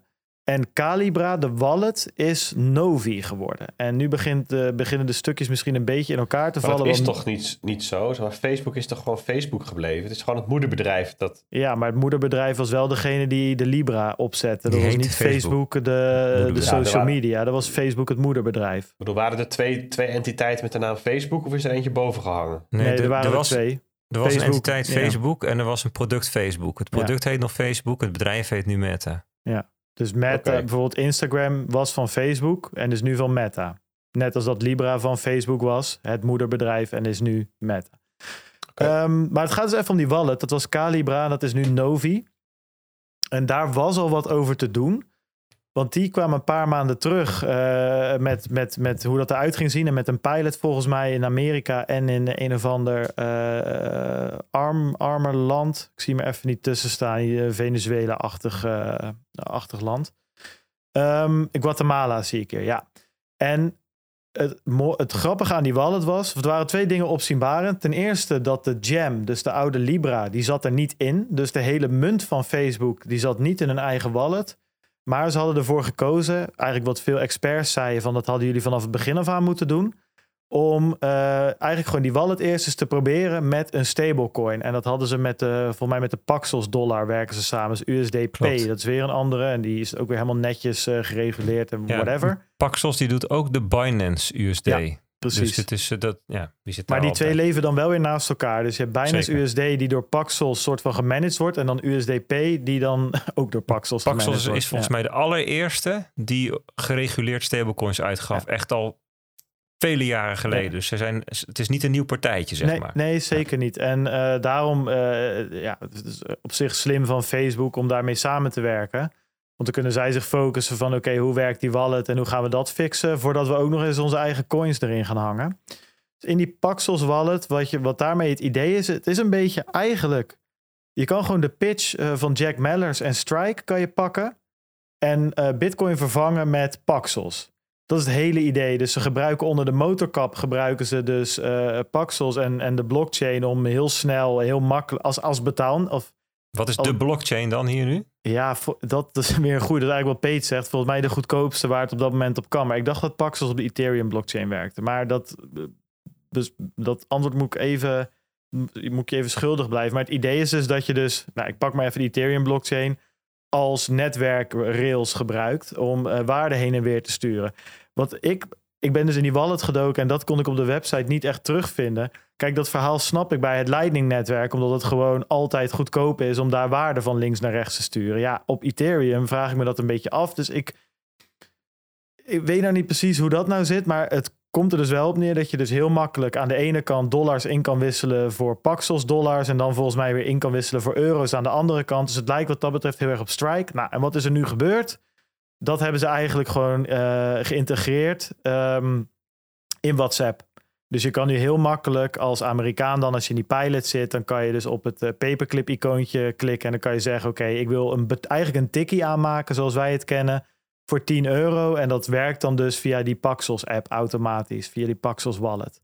Eh, dat, dat is wat het is. Dat is waar ze nu zijn. Ehm, maar als iemand mij kan vertellen hoe dat verder met eh, hoe- hoe dit business idee nou heel slim is met Paxos. Ja, ik heb het idee dat ik vraag me af of echt die blockchain of Ethereum gebruikt wordt als payment network op de achtergrond. Want dat lijkt me gewoon heel erg prijzig op dit moment. Ik denk het niet. Ik denk dat het gewoon door Coinbase, eh, het zijn gewoon, ik denk het gewoon custodial is door Coinbase eigenlijk. Ja, dat, dat, dat zou een, eh, Dus v- vanuit een ik- business perspectief eh, winstgevender zijn, denk ik. Ja, Minder ik denk- verliesmakend, laat ik het zo zeggen. Ja, Coinbase said it would be storing the cryptocurrencies that Facebook will offer to users who sign up for the new digital wallet called Novi. Ja. 19 oktober dit jaar. Dus ik, ik, ik denk dat, dat die, die, die ehm, USD P, PUSD, dat die, Mhm. dat, dat die gewoon nooit Coinbase verlaten als je die naar iemand WhatsAppt. Ja. Eigenlijk. Nou, dus, eh, dus dat eigenlijk. Gok ik. Maar goed, dat horen Maar goed, we dus graag dan gaan we even. zien. We kunnen het zelf Ja. niet proberen. Net als Strike kunnen we ook nog steeds niet proberen. Zijn nog steeds bovenaan die lijst, Bert? Of, eh, Joh, ik sta op positie min 40 intu- intussen. Ik sta boven Jack himself. Maar weet je wat het is? Eh, De wereld draait om Amerika. En de rest van de wereld, de rest Europa, daar zitten landen een beetje naar hun eigen nageltjes te kijken. En zeggen, ja, pff, hm, ja het is wel moeilijk allemaal. Het is lastig zeg. Oh, ik moet even overleggen. Ja. En intussen heeft Amerika al... eh, Ja. Hey, wat ik nog, ehm, als we nu toch een beetje eh, die, die nieuwtjes aan het, aan het delen zijn. Ik zag dat eh, de andere Jack, eh, Jack Dorsey, had het vorige week over gehad. Dat hij natuurlijk met Square Crypto, daar heeft die Stripe, sorry, ehm, Spiral BTC van gemaakt. Moet ik het goed zeggen? Stripe, Strike, Spiral, jezus, dat is echt een soort van lastig verhaal. Maar anyway, daar ging het er dus om dat ze aan Bitcoin gingen werken, aan Lightning gingen werken, noem maar op. En nu hebben ze dus, het is een klein nieuwtje een Lightning Development Kit eh gereleased. En daar zeggen ze zelf, eh, LDK, dus Lightning Development Kit, has been designed to allow developers to seamlessly plug their applications into the network on mobile devices en point-of-sale terminals. Ze richten zich vooral op Lightning wallets dus blijkbaar. En dan leek mij het is leuk, aangezien ik dat je niet kan vertellen, eh, wilde ik eens aan Peter vragen. Ja, Peter, daar is die jongen. Na 1 uur en 57 minuten zijn we hier aangekomen. Wat is een software development kit? Wat, wat, wat hebben we, wat is dat? Nou, het is op zich mooi dat, dat we al een uur en 57 minuten bezig zijn, want het is ook helemaal niet zo spannend. Een software Ja. development kit is gewoon een, ehm, een toolbox voor ontwikkelaars om hun werk makkelijker te maken. Dus als je, als je een Lightning applicatie wil maken, dan loop je tegen allerlei vraagstukken aan. Hoe, hoe, ga, je, eh, hoe, ga, je, je, eh, hoe ga je concepten in je code noemen Eh, hoe ga je bijvoorbeeld je kanalen beheren? Hoe ga je met andere nodes verbinden? Hoe ga je betalingen ontvangen en eh, versturen? Hoe ga je je, private keys eh, beheren? Eh, en al dat soort bouwstukjes, ja, die kan je zelf opnieuw gaan uitvinden. En met zo'n development kit zeg je eigenlijk, van, nou, ik piggyback op het werk dat anderen al gedaan hebben. En ik gebruik de Lego steentjes die in die bak zitten. En daarmee kan ik mooi eh, me bezighouden met de applicatie die ik wil gaan bouwen. Met de toegevoegde waarde die ik in mijn hoofd heb zitten. En al die onderliggende concepten, die zijn er dan al voor je. En dat doet die, die Lightning Development Kit dus ook. En dat, ehm, ja, dat is wat ze gereleased hebben. Dus eigenlijk zeggen ze hiermee van jongens, wij hebben dit al best wel een paar keer gedaan. We weten eh, welke fouten eh, je gaat maken als je hiermee begint. Dat hebben wij al voor je gedaan. Dus hier zijn best practices en bouwblokjes die je kunt gebruiken. Gaan jullie nou vooral gewoon toffe applicaties bouwen? En hoef je daar niet meer over te bekommeren. Dat, dat is eigenlijk wat hier gebeurd is. En ja, veel dieper dan dat kan ik er niet in, want ik heb die Lightning Development Kit zelf niet bekeken. In ieder geval voor mij duidelijk geworden wat het is. Kijk, Als Nou, niet-developer, als ik even spreek voor de niet-ontwikkelaars onder ons, dan snap ik, ja, snap ik hoe dat zit. Eigenlijk gewoon een, een, een doos met veel gebruikte handige dingetjes die je gewoon Ja. kan gebruiken. precies. Hè, dus, eigenlijk, dus, gewoon, eh, eigenlijk gewoon een soort van echte, eh, hoe noem je dat? Wat loodgieters bij zich hebben. Gewoon met wat, wat tussenstukjes en wat 90 hoek eh, draai dingetjes en wat schroefjes en wat boutjes. En daar moet je dan natuurlijk nog wel een specifiek ding mee maken bij iemand thuis. Maar je hebt wel alle tools die je soort van nodig hebt om dat een beetje aan elkaar te knopen. Beetje onhandig als je schroeven moet gaan maken bij iemand thuis. Maar nu zit ik een beetje jouw analogie, ik Nou, zit jouw verhaal kapot te maken, denk ik. Hè? Als je, Als dan toch een analogie, als je dan toch een analogie wil, dan kan je misschien beter denken aan de IKEA, waar je eh, zeg maar je eigen kast bij elkaar kunt sprokkelen. En je hoeft dus niet gewoon een boom te halen en zelf planken te zagen. En eh, weet je wel, maar je kan gewoon eigenlijk een kastje en dan wat pa en dan nog een plankje en dan eh, hup, hup, hup, en dan heb je zo je kast bij elkaar. Dat is, dat is denk ik een betere analogie.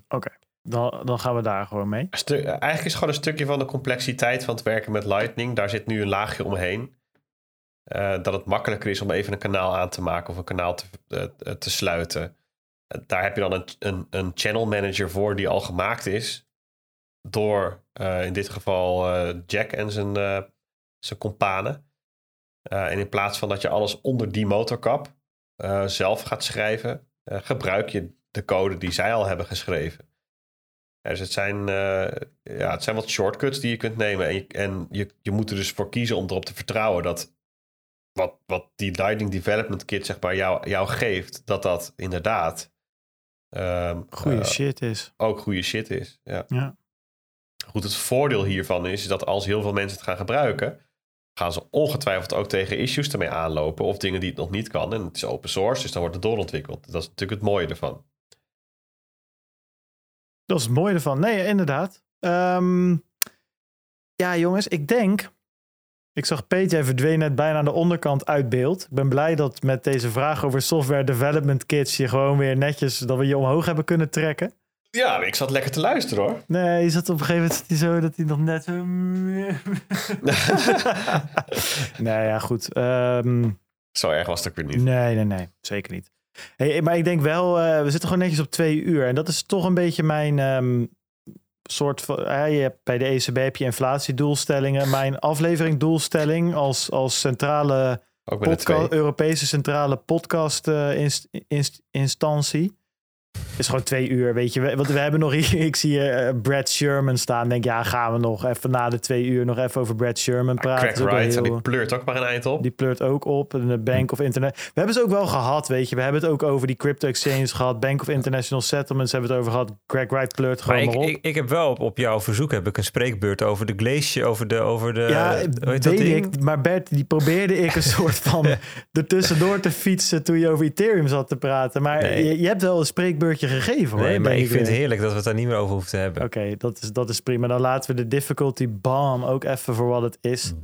Eh, ja, weet je, anders eh, schoppen toch iedereen ook weer zo hard tegen de... We hebben toch langer, langer dan 10 minuten over Ethereum gepraat. Hopelijk eh, geen Nou, die- hooivorken in de chat straks. Met die difficulty bomb, dat zijn lelijke dingen over Ethereum. Dus dat had dan wel weer een belasting. Ja, dat precies. Doe het nog even lekker voor ze. Pas 32% van de nodes is Ah, niet sowieso. ready. Haha.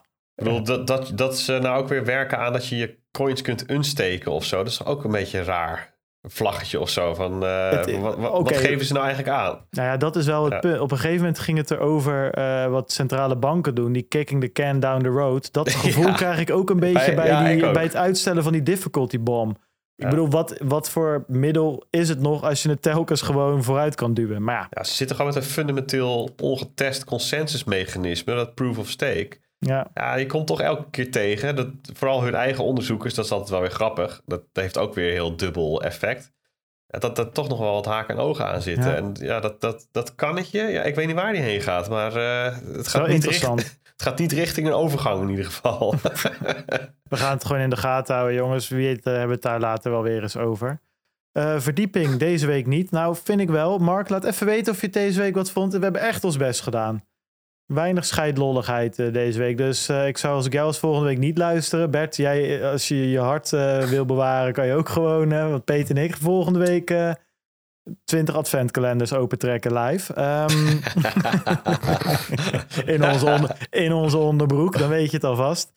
Nee, jongens, ik, ik heb hem weer goed vermaakt. Ik hoop jullie ook. En ik hoop jullie ook. ik Ik ga volgende week die ook. grap eh, niet meer maken. Die is nu weer leuk geweest. Van jullie ook en jullie ook. Dat weet je. Oké, oh, dat was een grap. Ja, goed, weet je. Je, je, probeert dus wat. Dat is... eh, Ik zou deze niet meer nog een keer doen. Nee, Dat nee, schrappen nee, uit het repertoire. Ja. Ik eh, geef hem een eh, gele, Gele kaart. kaart, ja, precies.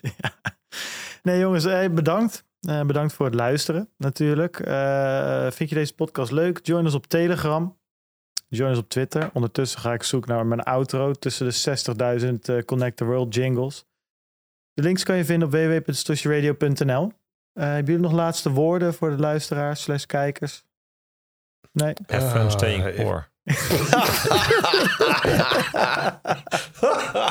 Nou, dat vind ik een mooie. Ik sluit hem gewoon af. Have fun staying poor, jongens. Namens Bert.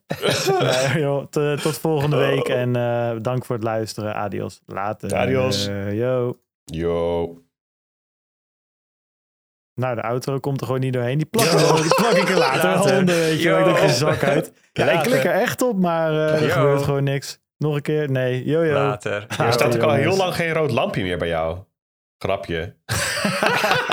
Oké, adios. Tot volgende week. Later.